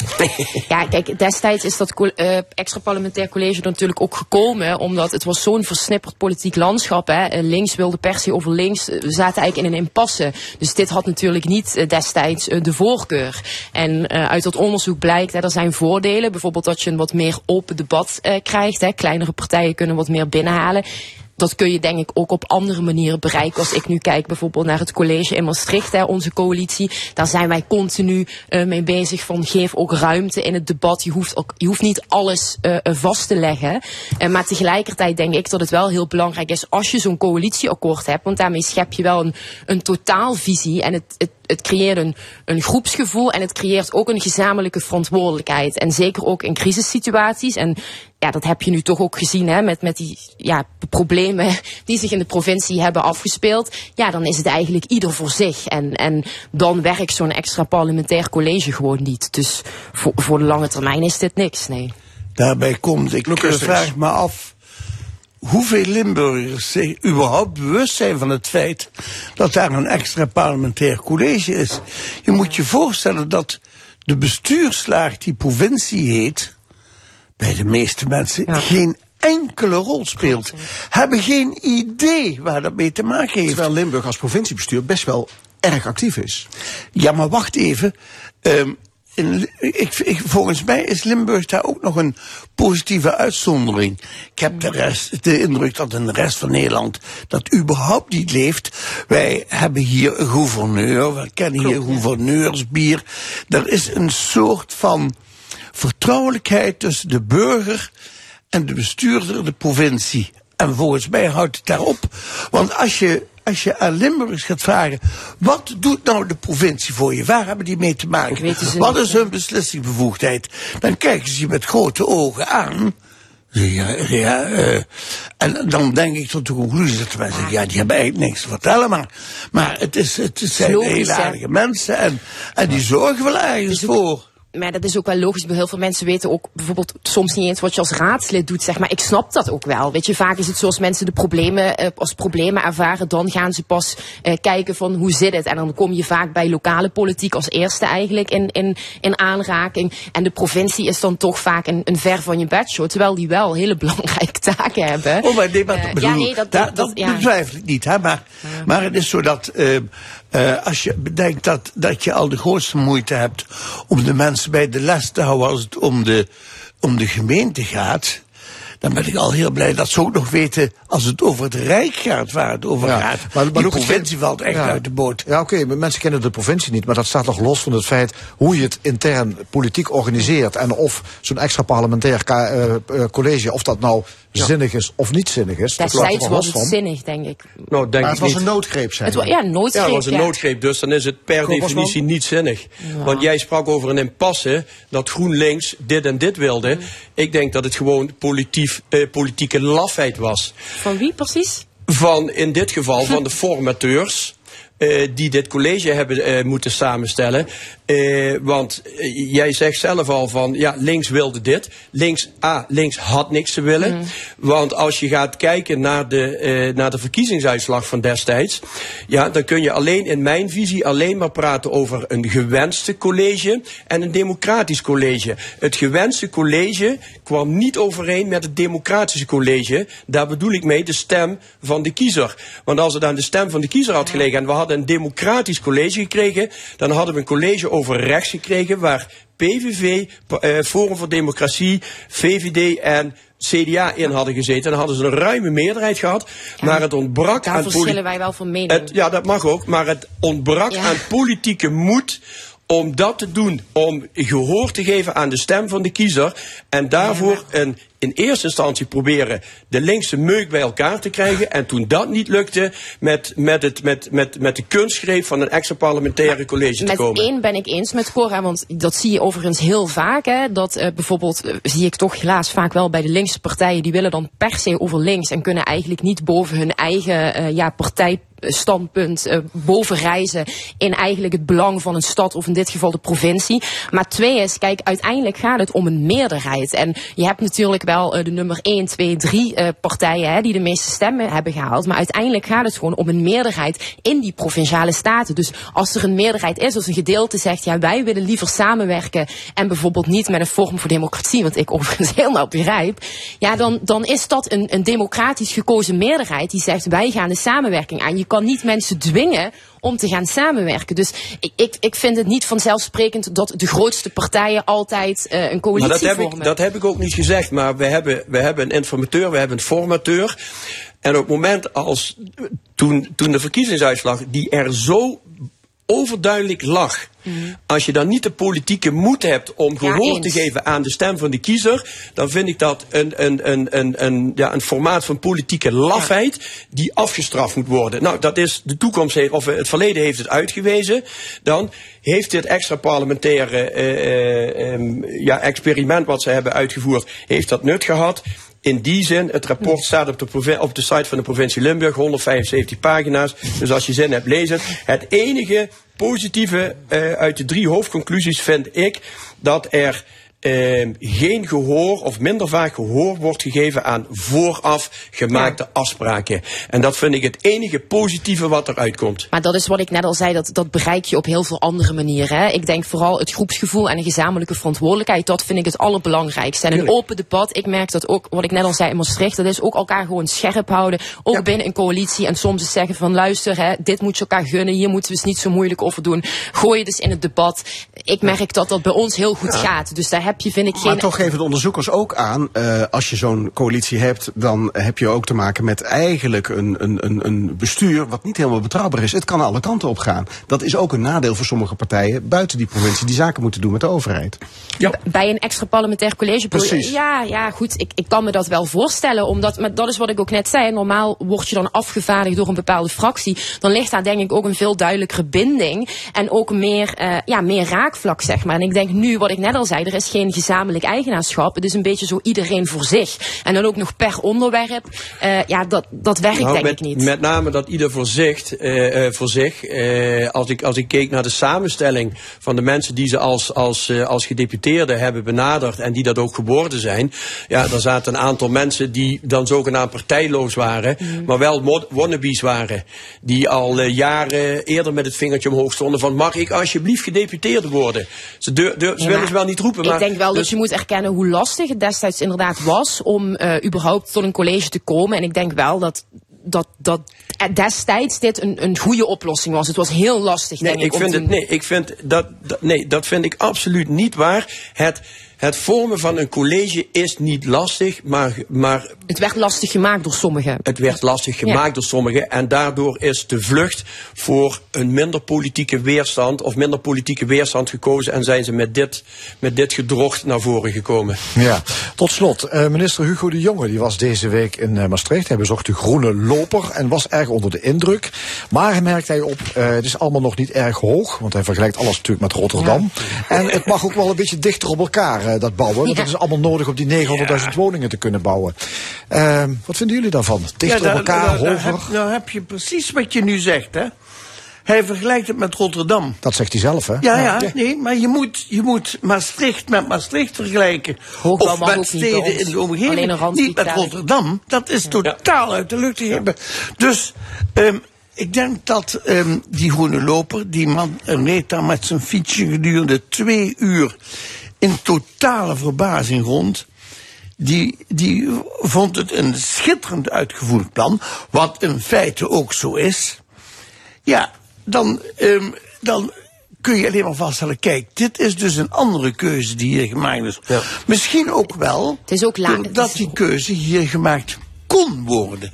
Ja, maar ik denk wel wat hij probeerde aan te geven is groene hoogbouw heeft wel in die zin uh, de toekomst. Dus we, we gaan steeds dichter op elkaar wonen. Hè. Er komen meer mensen bij. Tegelijkertijd wil je niet dat alles alleen maar beton, grijs en grauw is. Dus je wil ook wat, wat groen uh, daardoorheen. Ja, en dan is groene hoogbouw, uh, daktuinen, groene gevels.